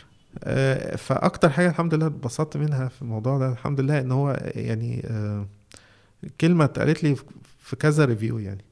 إن هو اتقال لي أنت أنا القصة دي ما بقتش عارف أميز فيها اللي حصل باللي ما حصلش مم. عشان يعني- أنت رابط حقيقة بخيال آه يعني أنا ما بقتش عارف الشخصيات دي بجد ولا لأ ال ال الأماكن كأني شايفها. أنا الأماكن عشان أوصل لها وعشان آه، أكتب فيها وإن أنا أوصف الشارع والكلام ده كله بقيت أدخل على مابس. وبقيت أقرأ عن آه، تواريخ آه، مواقف معينة وأشوف الشارع ده كان فيه إيه وكان فيه كذا وما أعرفش إيه. وليا واحد صديقي دكتور محمد ربنا يكرمه برضه هو عايش في روسيا حاليا. فبقيت أستعين بيه. كل شوية زهقته كل شوية أبعت له أقول له أنا عايز كذا وعايز أعرف كذا وعايز أعرف كذا لدرجة إن بقول له الفاكهة اللي في شهر إبريل اللي بتطلع في أوكرانيا إيه؟ عشان لما أنت بتحكي حالة في شهر إبريل مثلا فعايز وعندك خلاص يعني أنا القصة عندي فخلاص عندك كذا وكذا وكذا خلاص أنا ممكن أختار كذا. نايس. تعبته جدا معايا. بس النتيجة في الآخر إيه؟ إن الناس بقت تقرأ أو اللي قروا يعني كتر خيرهم الله اعلم ما بيجاملوا ولا بتاع. بس هو كذا كذا واحد قال لي الكلمة دي قال لي أنا فعلا ما بقتش عارف أميز آه، فعلا الأحداث دي حصلت ولا لأ. دي حاجة. الحاجة التانية برضو دي حاجة سبحان الله حصلت يعني إن بعد الرواية الرواية نزلت في يناير في المعرض اللي فات. بعدها بست شهور تقريبا في مايو أو آه مايو أو في أول يونيو مش متذكر نزل المسلسل بتاع تشيرنوبل. المسلسل اللي قلب الدنيا واللي كان رهيب فعلا شفته يعني فظيع. آه في أحداث فيه متطابقة. مع الجزء بتاع تشيرنوبل اللي بتكلم فيه في الرواية بشكل غريب. فدي- فالناس ربطت آه آه طبعا يعني في ناس ربطت وفي طبعا حاجات زي كده marketing tool يعني لازم الواحد يستغلها فبس أنا بتعجب يعني سبحان الله. آه، حصل يعني. آه، اللي حاولت أكد عليه بس وقتها في الواحد بيتكلم إن هي دي كانت قبل دي يعني هو مفيش مفيش ترابط بينهم يعني ما جاتش بعد دي مثلا فالواحد اقتبس. الفكرة. لا ده هو فكرة تشيرنوبل كلها الواحد شغال عليها من سنة قبل كده يعني ما ما أعرفش جت يعني سبحان الله. هو مسلسل تشيرنوبل ده مسلسل documentary ولا لا لا هو mini series دراما. تقريبا خمس أو ست حلقات دراما آه. وبيحكي عن طريقة تعامل السوفيات مع ال- الحادث مم. لأن ده يعتبر أكبر حادث نووي حصل آه، فالتعامل بتاع السوفيات مع ال- ال- ال- الحادث اللي حصل كان غير مسؤول تماما وكان كارثي. طبعا في المسلسل ما يعني أكيد واضح جدا إن أمريكا بت بتخبط في روسيا يعني. مم. يعني أنتوا يعني بتوضح يعني انهم عالم يعني إيه ما تعاملوش يعني كما ينبغي مع حادثة كارثة زي كده. آه هو إنتاج أمريكي أكيد طبعا. آه طبعا. أوكي. لا إنجليزي أنا آسف. أوكي. آه بتاع إتش بي أو. إتش بي أو إنجليزي؟ أمريكا؟ مم. ده راجع أمريكا. مش عارف أظن. أوكي. آه، أنت اخترت إنك تكتب فصحى ليه؟ في الروايه مم. وفي مش- كل الكتب يعني بس الرواية تحديدا. لا عشان يعني يعني أنا بميل للفصحى ال- ال- السهلة. اللي هي التتقري يعني. أوكي. آه، يمكن الموضوع كان فيه تدريج كده بين ده وده وده. يعني ده كان أتقل حاجة؟ أتقل شوية الاشرار راعيت فيه النقطة دي أكتر. ممكن كنا مراعين فيها النقطة دي من الأول. قعدنا كتير نتكلم هل نعمل المجلة بالعامية ولا بالفصحى. أنا كنت رافض موضوع العامية ده خالص. لأن الباب العاميه ده لما بيفتح بيجيب لك يعني مم. حاجات ما مش قادر تقراها أصلا يعني مم. تحس إن هو بوست بيتكتب كده وال... مم. فلا أنا مش بميل لل... للموضوع العامية في الكتابة مم. لأن أنت اللغة العربية للأسف كل مدى عمالة ظروفها إيه تتدهور مع الناس خالص وبتشوف الناس بتكتب لك في ال... أو بتكتب عموما في الكومنتس وفي الحاجات زي كده آه، في أي حاجة يعني في أي حتة حاجات فظيعه عمرك ما تتخيل انها كده يا جماعة إيه ده. يعني هو مفيش عربي خالص. فلا لازم الواحد يعني يقدم الحاجة باللغة بتاعته اللي هو بيعتز بيها وبطريقة سهلة. يعني مش لازم يعقد الدنيا ومش لازم يكره الناس في الدنيا. وأنا مش ضليع في العربي بالعكس أنا يعني عادي يعني. بس يعني لا لما أكتب أكتب بلغه كويسة. ومفيش مانع مفيش حاجة تمنع إن أنت تكتب اللغة العربية وتبقى حد مودرن يعني. مش مم. تعارض يعني. صح. هل انت ده الفلو بتاعك بيمشي بالطريقة دي؟ يعني انت لما بتيجي تكتب آه، بتكتب بتفكر بالعامية وبعد كده بتترجم ولا الأفكار بتطلع آه. كده أصلا؟ غالبا آه. بفكر بالعامية وبكتب آه، وأنا وسط ما أنا بكتب كده بلاقي الجملة اتحولت ل الفصحى وممكن أعيد نظر فيها تاني لأن بلاقيها مثلا موضوع كبر قوي محتاج يتبسط يعني. آه، فببتدي أشتغل عليها تاني. أوكي. يعني أنت شايف إنه اللي بيكتب دلوقتي المفروض يتحرى. يعني أنا بالنسبة لي ما أعرفش خالص. كويس ما أعرفش أكتب بفصحى خالص يعني. آه وفي نفس الوقت برضو العامية بالنسبة لي بتخ... بت localize العمل قوي. عارف؟ يعني أنت لو عملت ده بالعامية مصر بس. عارف؟ دي نقطة طبعا. مم. فأنت تنصح بإيه في الحالة دي؟ إن أنا أخلي حد يكتبه حد يعني ما أعرفش.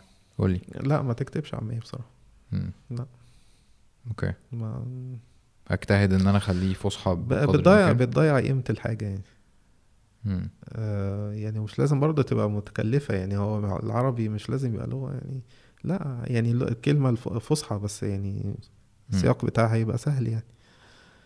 آه ممكن يعني في كلمات ممكن الواحد يدخلها في النص كلمات عامية بحكم الموقف اللي حصل أو إن هي كلمة دارجة بتتقال فهتصور الموقف يعني آه بس ما مش ده الاساس مم. تبص تحطها مثلا بين أقواس بين ما أعرفش إيه حاجات زي كده إن أنت بتحكي مشهد بس إيه إيه في اتقال حاجة زي كده. بس. آه، من الحاجات برضو اللي اتعلمتها إن هو لو الواحد بيكتب مثلا في رواية أو كده ما ي- ما ي- ما يعتمدش على ال- الترندات اللي موجودة. ك ك عشان هتروح. كإفيه. آه هتروح وهتبقى دمها سخيف قوي يعني. مم. هتبقى انت كده عمال إيه عايز حاجة وقتية سريعة كده عايز تضحك الناس وبتاع بس بعد كده هيجي بعد كده جيل بعدها يقراها مش فاهم انت أصلا تقول إيه ده يعني. كويس. آه. طب انت في حتت انت كاتب فيها كلا- كلام بالانجليزي. تمام. ف... فهل إحنا خلاص نستسلم انه الانجليزي يبقى سائد لدرجة فين؟ في, في الرواية؟ آه لا آه مش كاتبها لوحدها كده. كاتبها كترجمه للعربي من باب زيادة توضيح أو حاجة زي كده. يعني في حتة مثلا أنت كاتب الموبايل لقيته بيزي أو حاجة زي كده. ف آه مش كاتب مشغول وجنبها busy؟ تقريبا تقريبا. لا ممكن يكون موضح يعني جنبها. لا وكان السبب إيه إن دي كنت بتكلم فيها على الماسنجر. فاكره الماسنجر بتاع. في مسان آه لا مثلا آه. فهو كان الحالة بتاع اللي بيشتغل عليه بيلاقي أونلاين وبيلاقي busy. بس أنا قصدي إنه مفيش مشكلة إن أنت تبقى دامج بين العربي والإنجليزي في لا ما فيش مشكلة لو في لو في الحدود كده. يعني مثلا الماسنجر ده كنت بشتغل عليه بالانجليزي فما أعرفش أصلا كان بالعربي عامل إزاي وده. كان الاغلب يعني الناس كان مستعمله يعني كان كده. فأنت عايز توصل الصورة أنت عايز الواحد يفتكر المنظر بالظبط. بتاعه وهو معمول busy ولونه آه، أحمر أو لونه orange أو لونه أخضر وال nudge اللي بيجي والحاجات دي دي كان الفكرة يعني أوكي آه، انت ما- اما اما جيت تكتب ال dialogue. بين بين الشخصيات آه، ما حسيتش انه وده برضو آه، يعني مراتي وهي بتقرأ آه، كان عندها الكومنت ده آه، ما حسيتش انه آه، انك عايز تكتب بال- باللهجة بتاعت الشاب مثلا أو أو عايز يعني الشاب ما بيتكلم مع البنت غير ما. بيتكلم مع اصحابه غير ما أيوة. مش عارف إيه كلهم في الآخر بيتكلموا بنفس النبرة كويس عشان فصحى فما حسيتش انه ده لو كنت اتكلمت بطريقة تانية كان هيوصل المعنى أحسن لا مثلا. كان ممكن طبعا. يعني ممكن. كان لو مثلا في في سياق مثلا هو بيكلم البنت أو بيكلم أصحابه أو حاجات زي كده أنا حاولت أعمل كده آه، في حدود مثلا تعليق معين في النص ما أعرفش إيه وهو قاعد مع أصحابه فقال كلمة آه، ما أعرفش إيه. ساعات كانت بتجلي طبعا يعني ما يعني ف- مثلا هو بيقول لأصحابه بدل ما يشتمهم مثلا فيقول لهم يا سوخة فاهم؟ كده. ده مش مش واقعي يعني. بس بحاول بقدر الإمكان إن أنا أوفق يعني حاول التوفيق. جايز مثلا تظبط جايز تخلي كده. كويس. أنت بتقيس إزاي نجاح الكتاب دوت؟ بقيس بال بال reviews صراحة يعني. على. Goodreads يعني ولا آه فين؟ آه. أوكي. آه، وفي ناس ما بتعملش Goodreads بس بتبعت لي تقول لي مثلا طباعها كذا وكذا وكذا.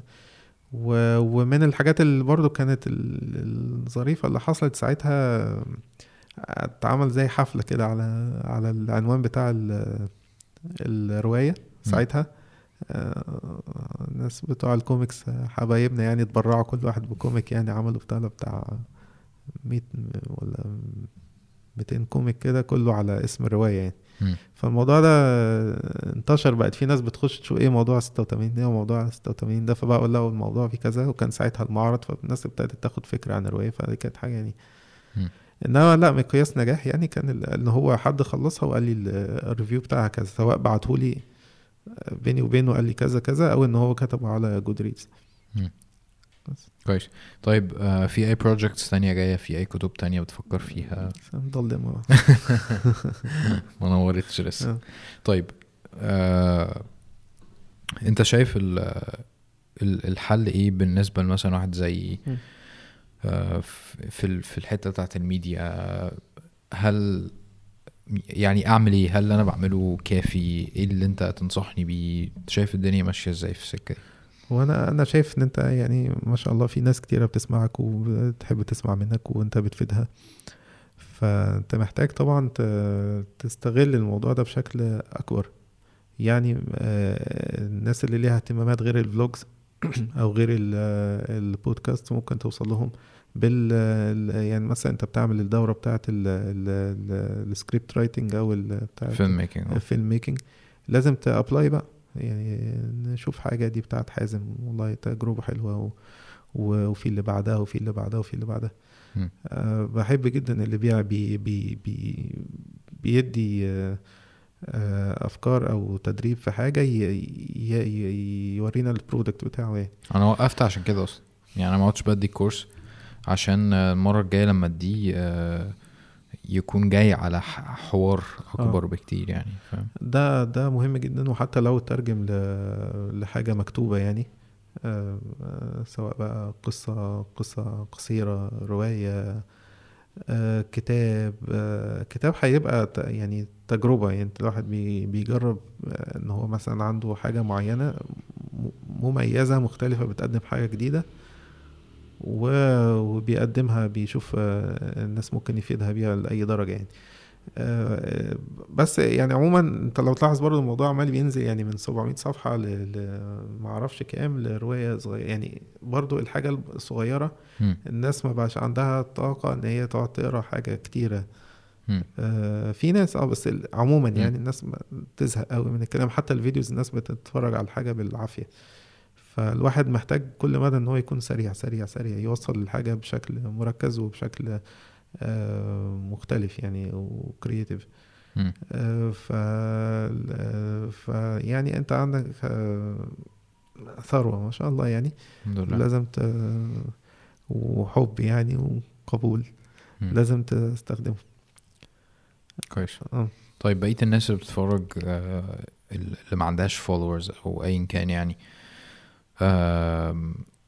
يعني تنصحهم بإيه في حتة التأثير في حتة ال- الهم اللي عندك بتاع إنه إحنا في غزو فكري في آه، لازم إيه إيه اللي إحنا نعمله؟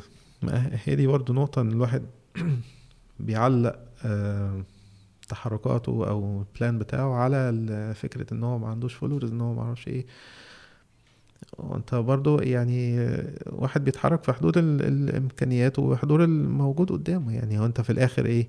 آه لو جينا للأصل يعني إيه؟ بلغوا عني ولو آية. يعني انت اللي هو بيعرف آية بيبلغها ل- ل- و- وابدأ بمن تعول يعني انت الأقرب ليك.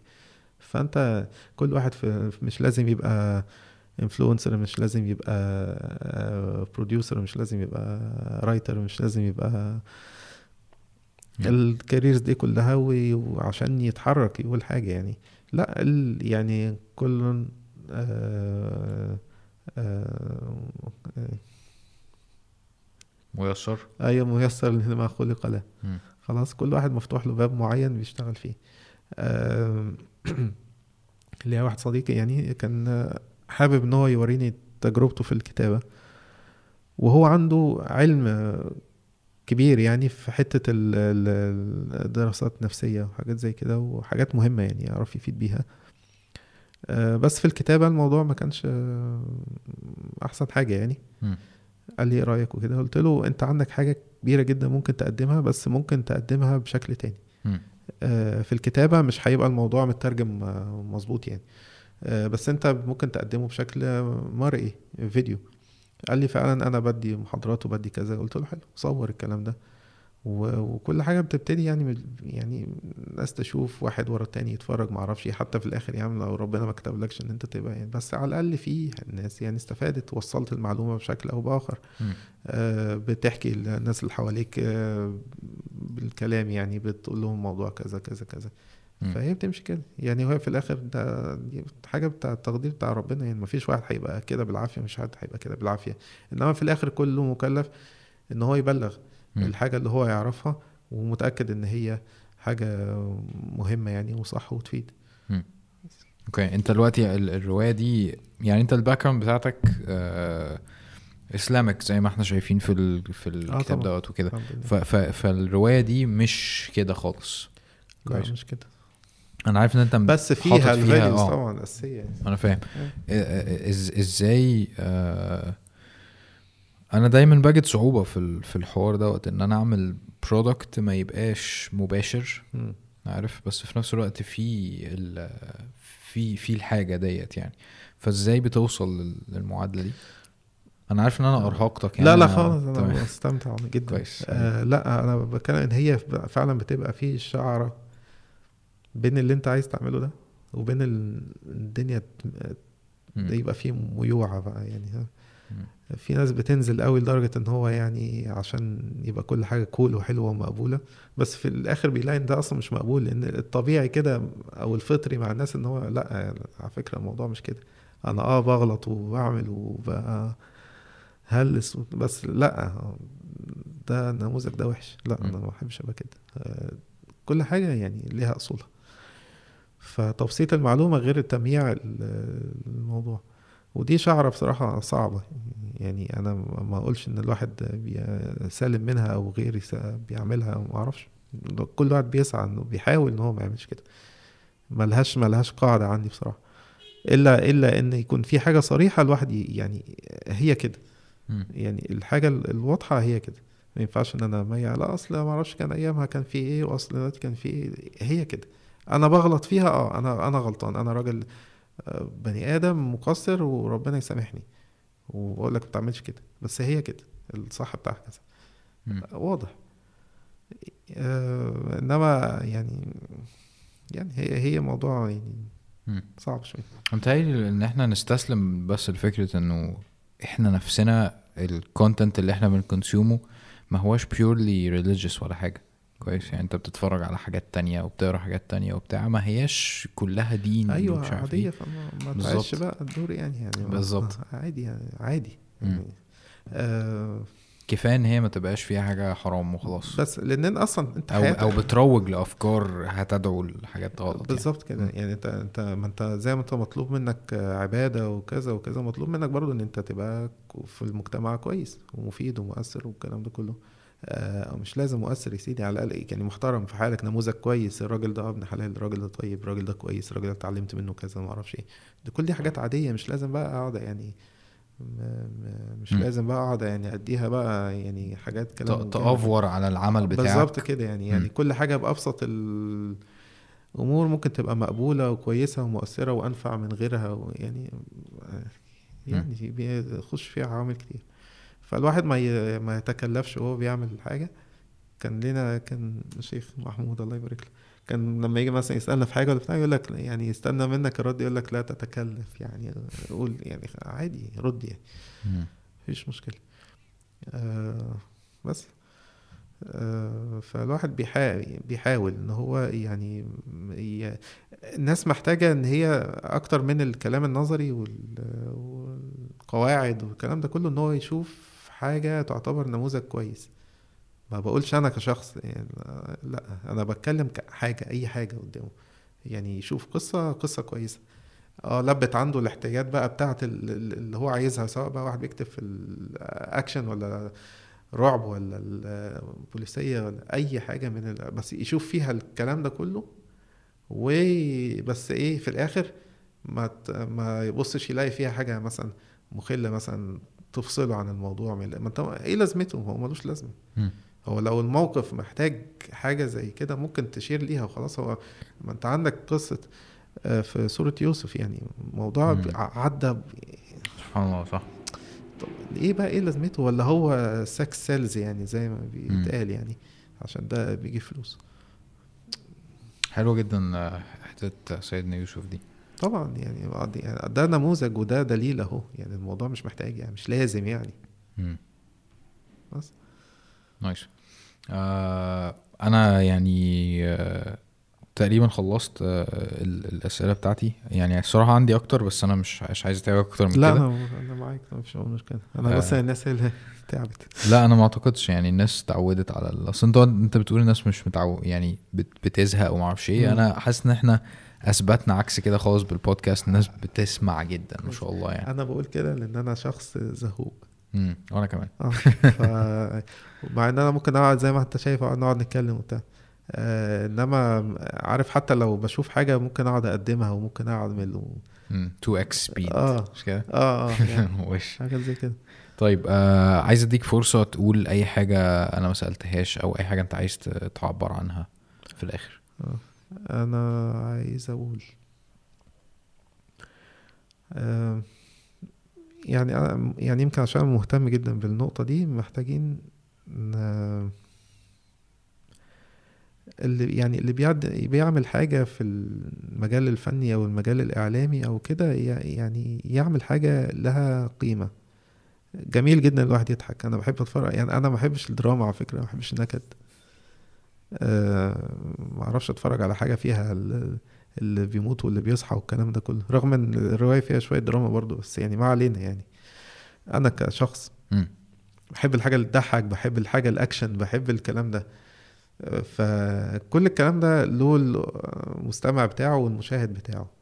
ودي حاجات عادية يا جماعة يعني الناس تتفرج وتتبسط ويطلع مبسوط من الكلام ده كله بس اديني حاجة نظيفة حاجة فيها فاليو حاجة معرفش إيه. حاجة متعوب عليها. آه حاجة متعوب عليها. وما تبقاش هلس للهلس وخلاص يعني. حتى لو هلس للهلس حتى لو هلس للهلس آه، تبقى بس نظيفة. مش لازم يبقى فيها لازم يبقى الإيحاءات والألفاظ والم... على فكرة والله لو فكرت فيها هتلاقي إن ملاش ملاش أي لازمة. ممكن تلاقي حاجة في منتهى الهلس ومال خلاص طلعت منها إن أنت ضحكت واتبسطت ده في حد ذاته فايدة بس ما فيهاش قله ادب يعني ما فيهاش قله ادب فعايزين حاجات من كده. يعني يعني عايزين حاجات نشوف حاجات من كده يا جماعة. عايزين نتبسط بنظافة. عايزين آه، أطفالنا يتبسطوا بنظافة. عايزين آه، البنات وزوجاتنا والناس دي يتفرجوا من غير ما يبقى الواحد متحفظ على حاجة. ما ليه؟ إيه الداعي إن كل حاجة فيها آه، إباحية وقلة أدب وألفاظ وبقى هو ده الترند ده حتى في الدبلجة بتاعة الأفلام الكرتون بيتقال فيها حاجات. حاجات مقرفة قوي ما تتقالش يعني. عيب يعني. آه، ف وبقى ده ده العادي. الواحد مثلا كان بيشوف كلمة معينة كان بيتحافظ عليها ولا موقف ولا بتاع يبص يلاقي دلوقتي كله بي يعني عادي يعني. هو ده العادي فكرة إن ده العادي. لا هو مش عادي. هو إحنا اتعودنا عليه للأسف. بسبب كتر الضرب على الدماغ يعني. إنما إحنا لا لازم يعني كل واحد في الحتة دي وكل واحد كرييتيف في المجال بتاعه لازم يعني محتاجين نشوف حاجة نظيفة مش هقول لك بقى فالي خلاص بقى سيبنا من عايزين حاجة نظيفة مهم جدا. والله ال- الأطفال في المدارس يا جماعة الموضوع بقى يعني وكل الناس عارفة بقى مرعب مرعب مرعب مرعب مرعب مرعب. في الفيديوز وفي اليوتيوب وفي الصور وفي العلاقات وفي الكلام وفي الكلام ده كله موضوع بقى مرعب. الواحد بيسمع حكايات والله بيشوف حاجات قريبة منه مش مش حكايات بعيدة يعني. رعب والله حاجة تخوف. يعني لا يا جماعة إحنا مسؤولين عن جيل ومسؤولين عن أسرة ومسؤولين عن مجتمع. لا إحنا كل واحد لينا له دور. كل واحد فينا مسؤول. انت مش سلبي مفيش حد واحد مخلوق سلبي ومفيش واحد مش هيتسأل على حياته. ما بقولكش أعمل الحاجة الخطيرة الخارقة اللي هي لأ أنت ممكن تبقى شاب طبيعي جدا محترم جدا بنت كويسة جدا يعني بس يعني مؤثرة أو مؤثر بطريقته الكويسة. آه، بيقدم حاجة يقدمها بطريقة كويسة. مش لازم يبقى هو خلاص الترند كده يبقى هو إحنا كلنا كده. بس أنا نفسي في ده نفسي في ده. أصل في حاجات كتيرة دلوقتي يمكن هي دي يعني أنت لو جيت تتكلم في ال- الحل للمشكلة والكلام ده كله هتقعد تعدد طبعا الكلام اللي إحنا عارفينه وال, وال... يكون في فلوس ويكون في حرية ويكون في كذا ويكون في آه، آه، آه، حاجات كتيرة ممكن الواحد ينجح بيها. كل الحاجات دي دلوقتي صعبة يعني في حاجات كتيرة مش متاحة. آه فيعني خلاص نتكلم في المتاح. المتاح أنا دلوقتي أبقى نضيف. بلاش بلاش آه بلاش اللي تأدب يعني. بس. نايس آه رسالة تقيلة جدا الصراحة و... وأنا بدعمها مية في المية يعني. آه أنا استمتعت جدا باللقاء الصراحة. مستمتع جدا جدا. و... و... وكان ثري جدا وكان غير متوقع إن إحنا نخش في كل ال topics دي بس أنا كنت محتاجه الصراحة يعني. آه ما بتجيش الفرصة إن الواحد يقعد إيه يتعمق في. في الماسونية والهلك ده كله يعني. آه، أتمنى تكون عبرت عن نفسك زي ما أنت حابب الحمد يعني. لله كتير الحمد لله. آه، أتمنى ما حدش بس يبقى زهق مننا يعني. هو لو حد بيسمع لحد لما أنت قلت الكلمة دي فأكيد ما زهقش يعني. فلو هو لو هو زهق فهو زهق من زمان. آه شكرا جدا انك جيت أنا اللي بشكرك حازم. الله يكرمك. حلقة جامدة جدا. آه أنا استفدت منها جدا جدا الصراحة. آه ال آه، يعني الشاب يعني هو أنا كان دي أول مرة أقعد أتكلم معاه أنا وهو بس. يعني إحنا كنا زي ما قلنا لكم في الحلقة إن إحنا اتعاملنا في ممكن و وفي, وفي الفيلم اللي إحنا عملناه زمان وكده بس أول مرة أقعد أتكلم معاه بتعمق بالطريقة دي. آه وهو لما أنا قلت له يلا بينا ونعمل بودكاست كان مترب شوية وأنا كنت مترب شوية عشان كان هو مش مش مش عارف أمسكه منين برضه يعني مش عارف أخش له من أنهي زاوية هو يعني open جدا ممكن يتكلم في أي حاجة. ف فكانت يعني كانت مناقشة conversation قوية جدا بالنسبة لي.